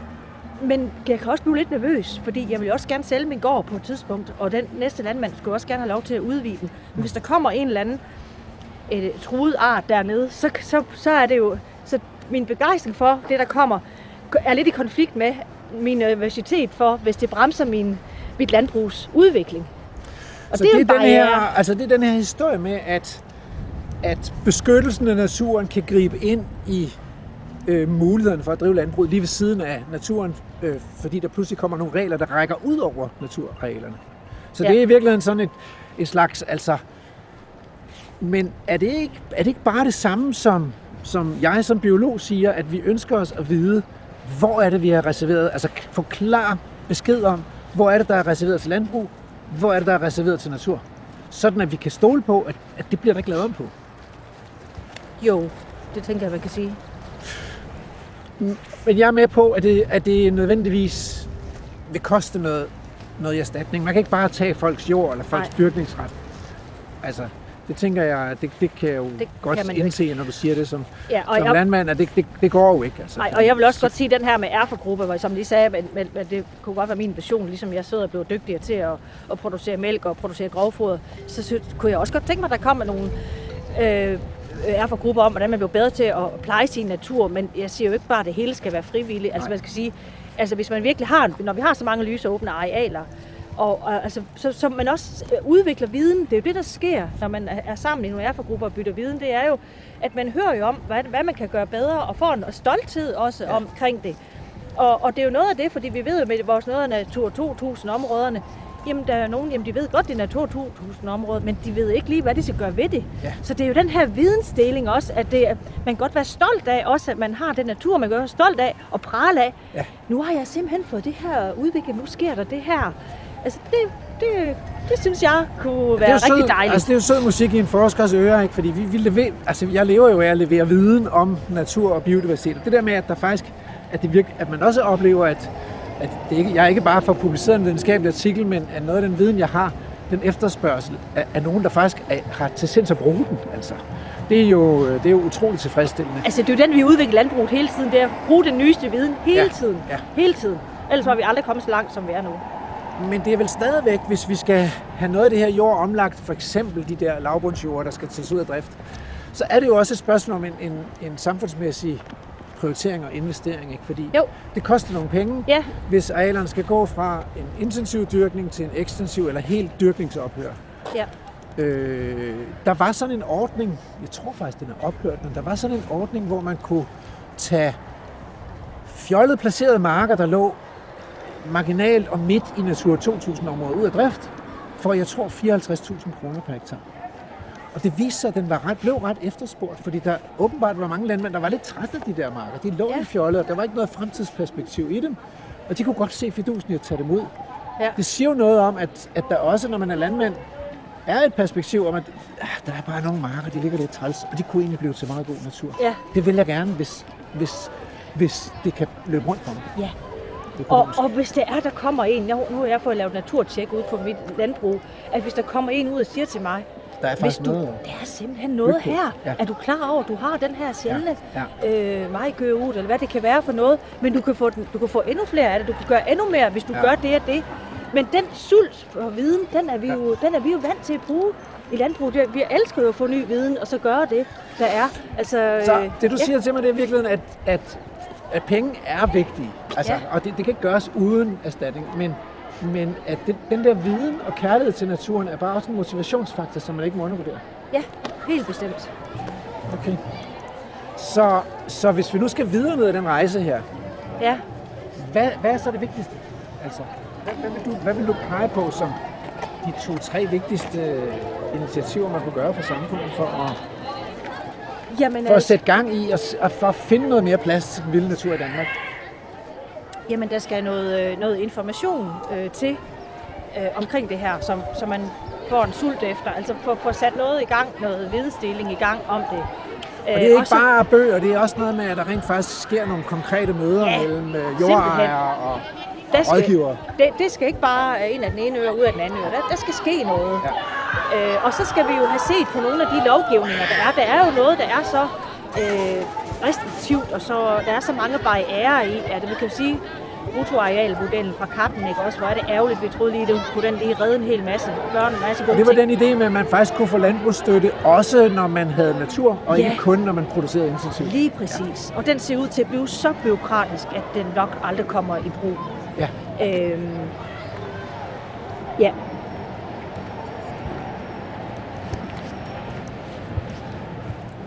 Og, og når du siger lovgivning, så er det mest, at, at der er noget lovgivning, der bremser her, men, men jeg synes jo også, at der nogle gange mangler noget lovgivning, der egentlig kan, kan sikre naturen, altså mod for eksempel altså, overudnyttelse, hård sommergræsning, eller fældning af gamle træer, ja. eller sådan noget. Det, det hører vel også med, at hvis vi, altså, hvis vi udlægger et areal til natur, og, og hvis I landmænd får erstatning, så skal man også kunne se, at, at man mener det. Ja. Altså, der sker virkelig noget her. Der er naturmøde, og øh, hele egens skoleklasser, øh, fra mindste til ældste klasse, de er simpelthen taget til naturmøde her i Hirtshals. Det er jo vildt livsbekræftende. Ja, det er det i hvert fald. Jamen altså... Øh... Men er det ikke okay, altså, at hvis man har besluttet sig for, at nu skal det her areal rent faktisk udlægges til natur, og samfundet betaler for det og sådan noget, så skal vi vel også have en lovgivning, der så gør det muligt, altså. Jo, altså helt bestemt. Altså det, det man får at vide, man skal, man skal gøre for at opfylde de naturlige øh, processer, der skal i gang, det skal man jo selvfølgelig gøre. Altså det, Ja. skal man jo, det, det får man viden om, og så skal man også gøre det, og det skal, det skal udføres. Selvfølgelig skal det det. Det er faktisk en ting, jeg sætter meget pris på ved landmænd, fordi udover at de er handlekraftige, så vil jeg også gerne have, at det virker. Altså, Ja. øh, greenwashing og bluffnumre, det er ligesom ikke, det er ikke særlig interessant, og folk bliver virkelig ked af det, hvis de laver noget, der ikke virker. Ja, lige præcis. Og, og jeg er sikker på, altså vi vil, vi vil så meget det her biodiversitet. Vi, øh, øh, vi, vi vil det meget gerne, og vi vil også blive målt på det fremadrettet. Så vi, vi skal vi har noget sult efter også at vide det. Vi vil bare også være sikre på, at vi ikke bliver straffet for det. Ja. Ikke også fordi det, Men øh, så vil jeg så sige, øh, på et fremtidigt samarbejde rækker jeg dig hernede i hånden, øh, og jeg sætter pris på, at I producerer de der gode fødevarer, så jeg ikke skal bøvle med det, fordi jeg er ikke særlig god til det. Jamen, til gengæld vil jeg gerne hjælpe jer med at lave noget mere natur. Det er en aftale, Rasmus. Tak. Selv tak.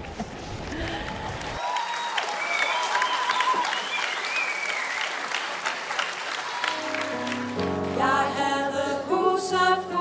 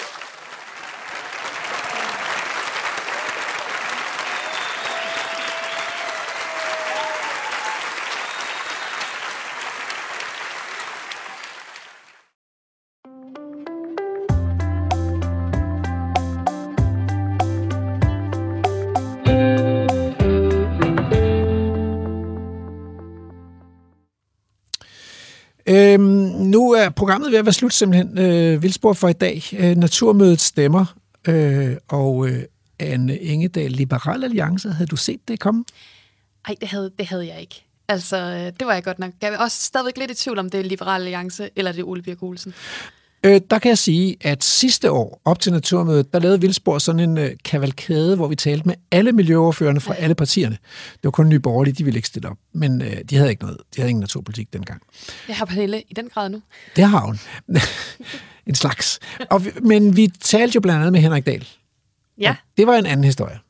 Ja, Ja, det, og det kan man genhøre, man går tilbage og finde de der øh, naturpolitikere der. det kan jeg godt huske. Han er ellers forsker. Eller ja, var. Eller ja, var. men det er jo det, men ikke lige i natur. Nej. Men det morsomme var jo, at, at det der med at spørge Ole Birk Olsen, og så starter han med at tale om evolution.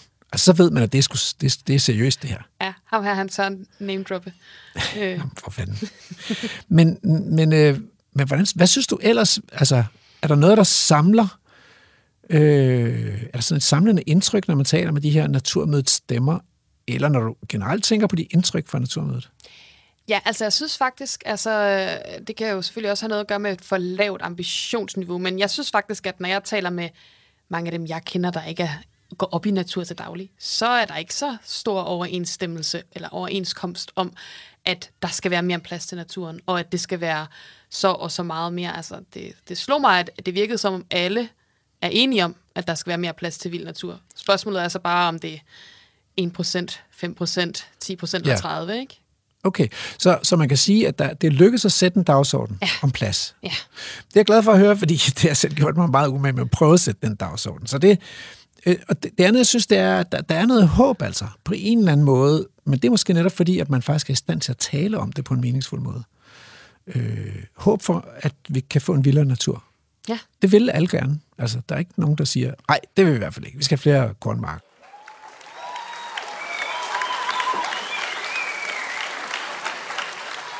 Og alt det her for at sige, at min opfordring i dag, det er, at vi bestræber os på at se hele billedet. At vi husker dialogen. For hver weekend, så ser vi i vores skønne natur eksempler på, at vi godt kan få det til at fungere. Ligesom vi gør præcis her i Hirtals på Naturmødet. Det betyder ikke, at vi skal leve i fuldstændig symbiose, eller at der ikke er svære valg, for vi er på en mission, som kræver mere plads til vores natur. Men vi skal huske, at alle os, der er her i dag, alle de fantastiske arter, at vi har kærligheden til naturen til fælles. Og med den, der kan vi bygge bro. Og med det har jeg lyst til at sige rigtig godt naturmøde til os alle sammen.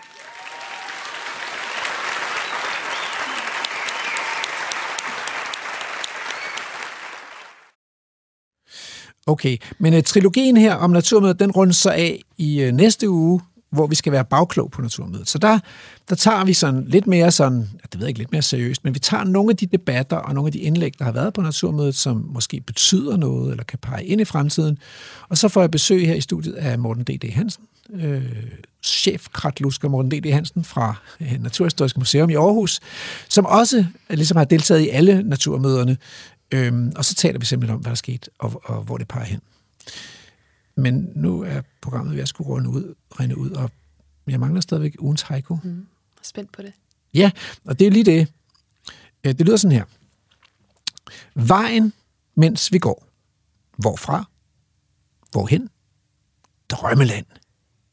15 minutter.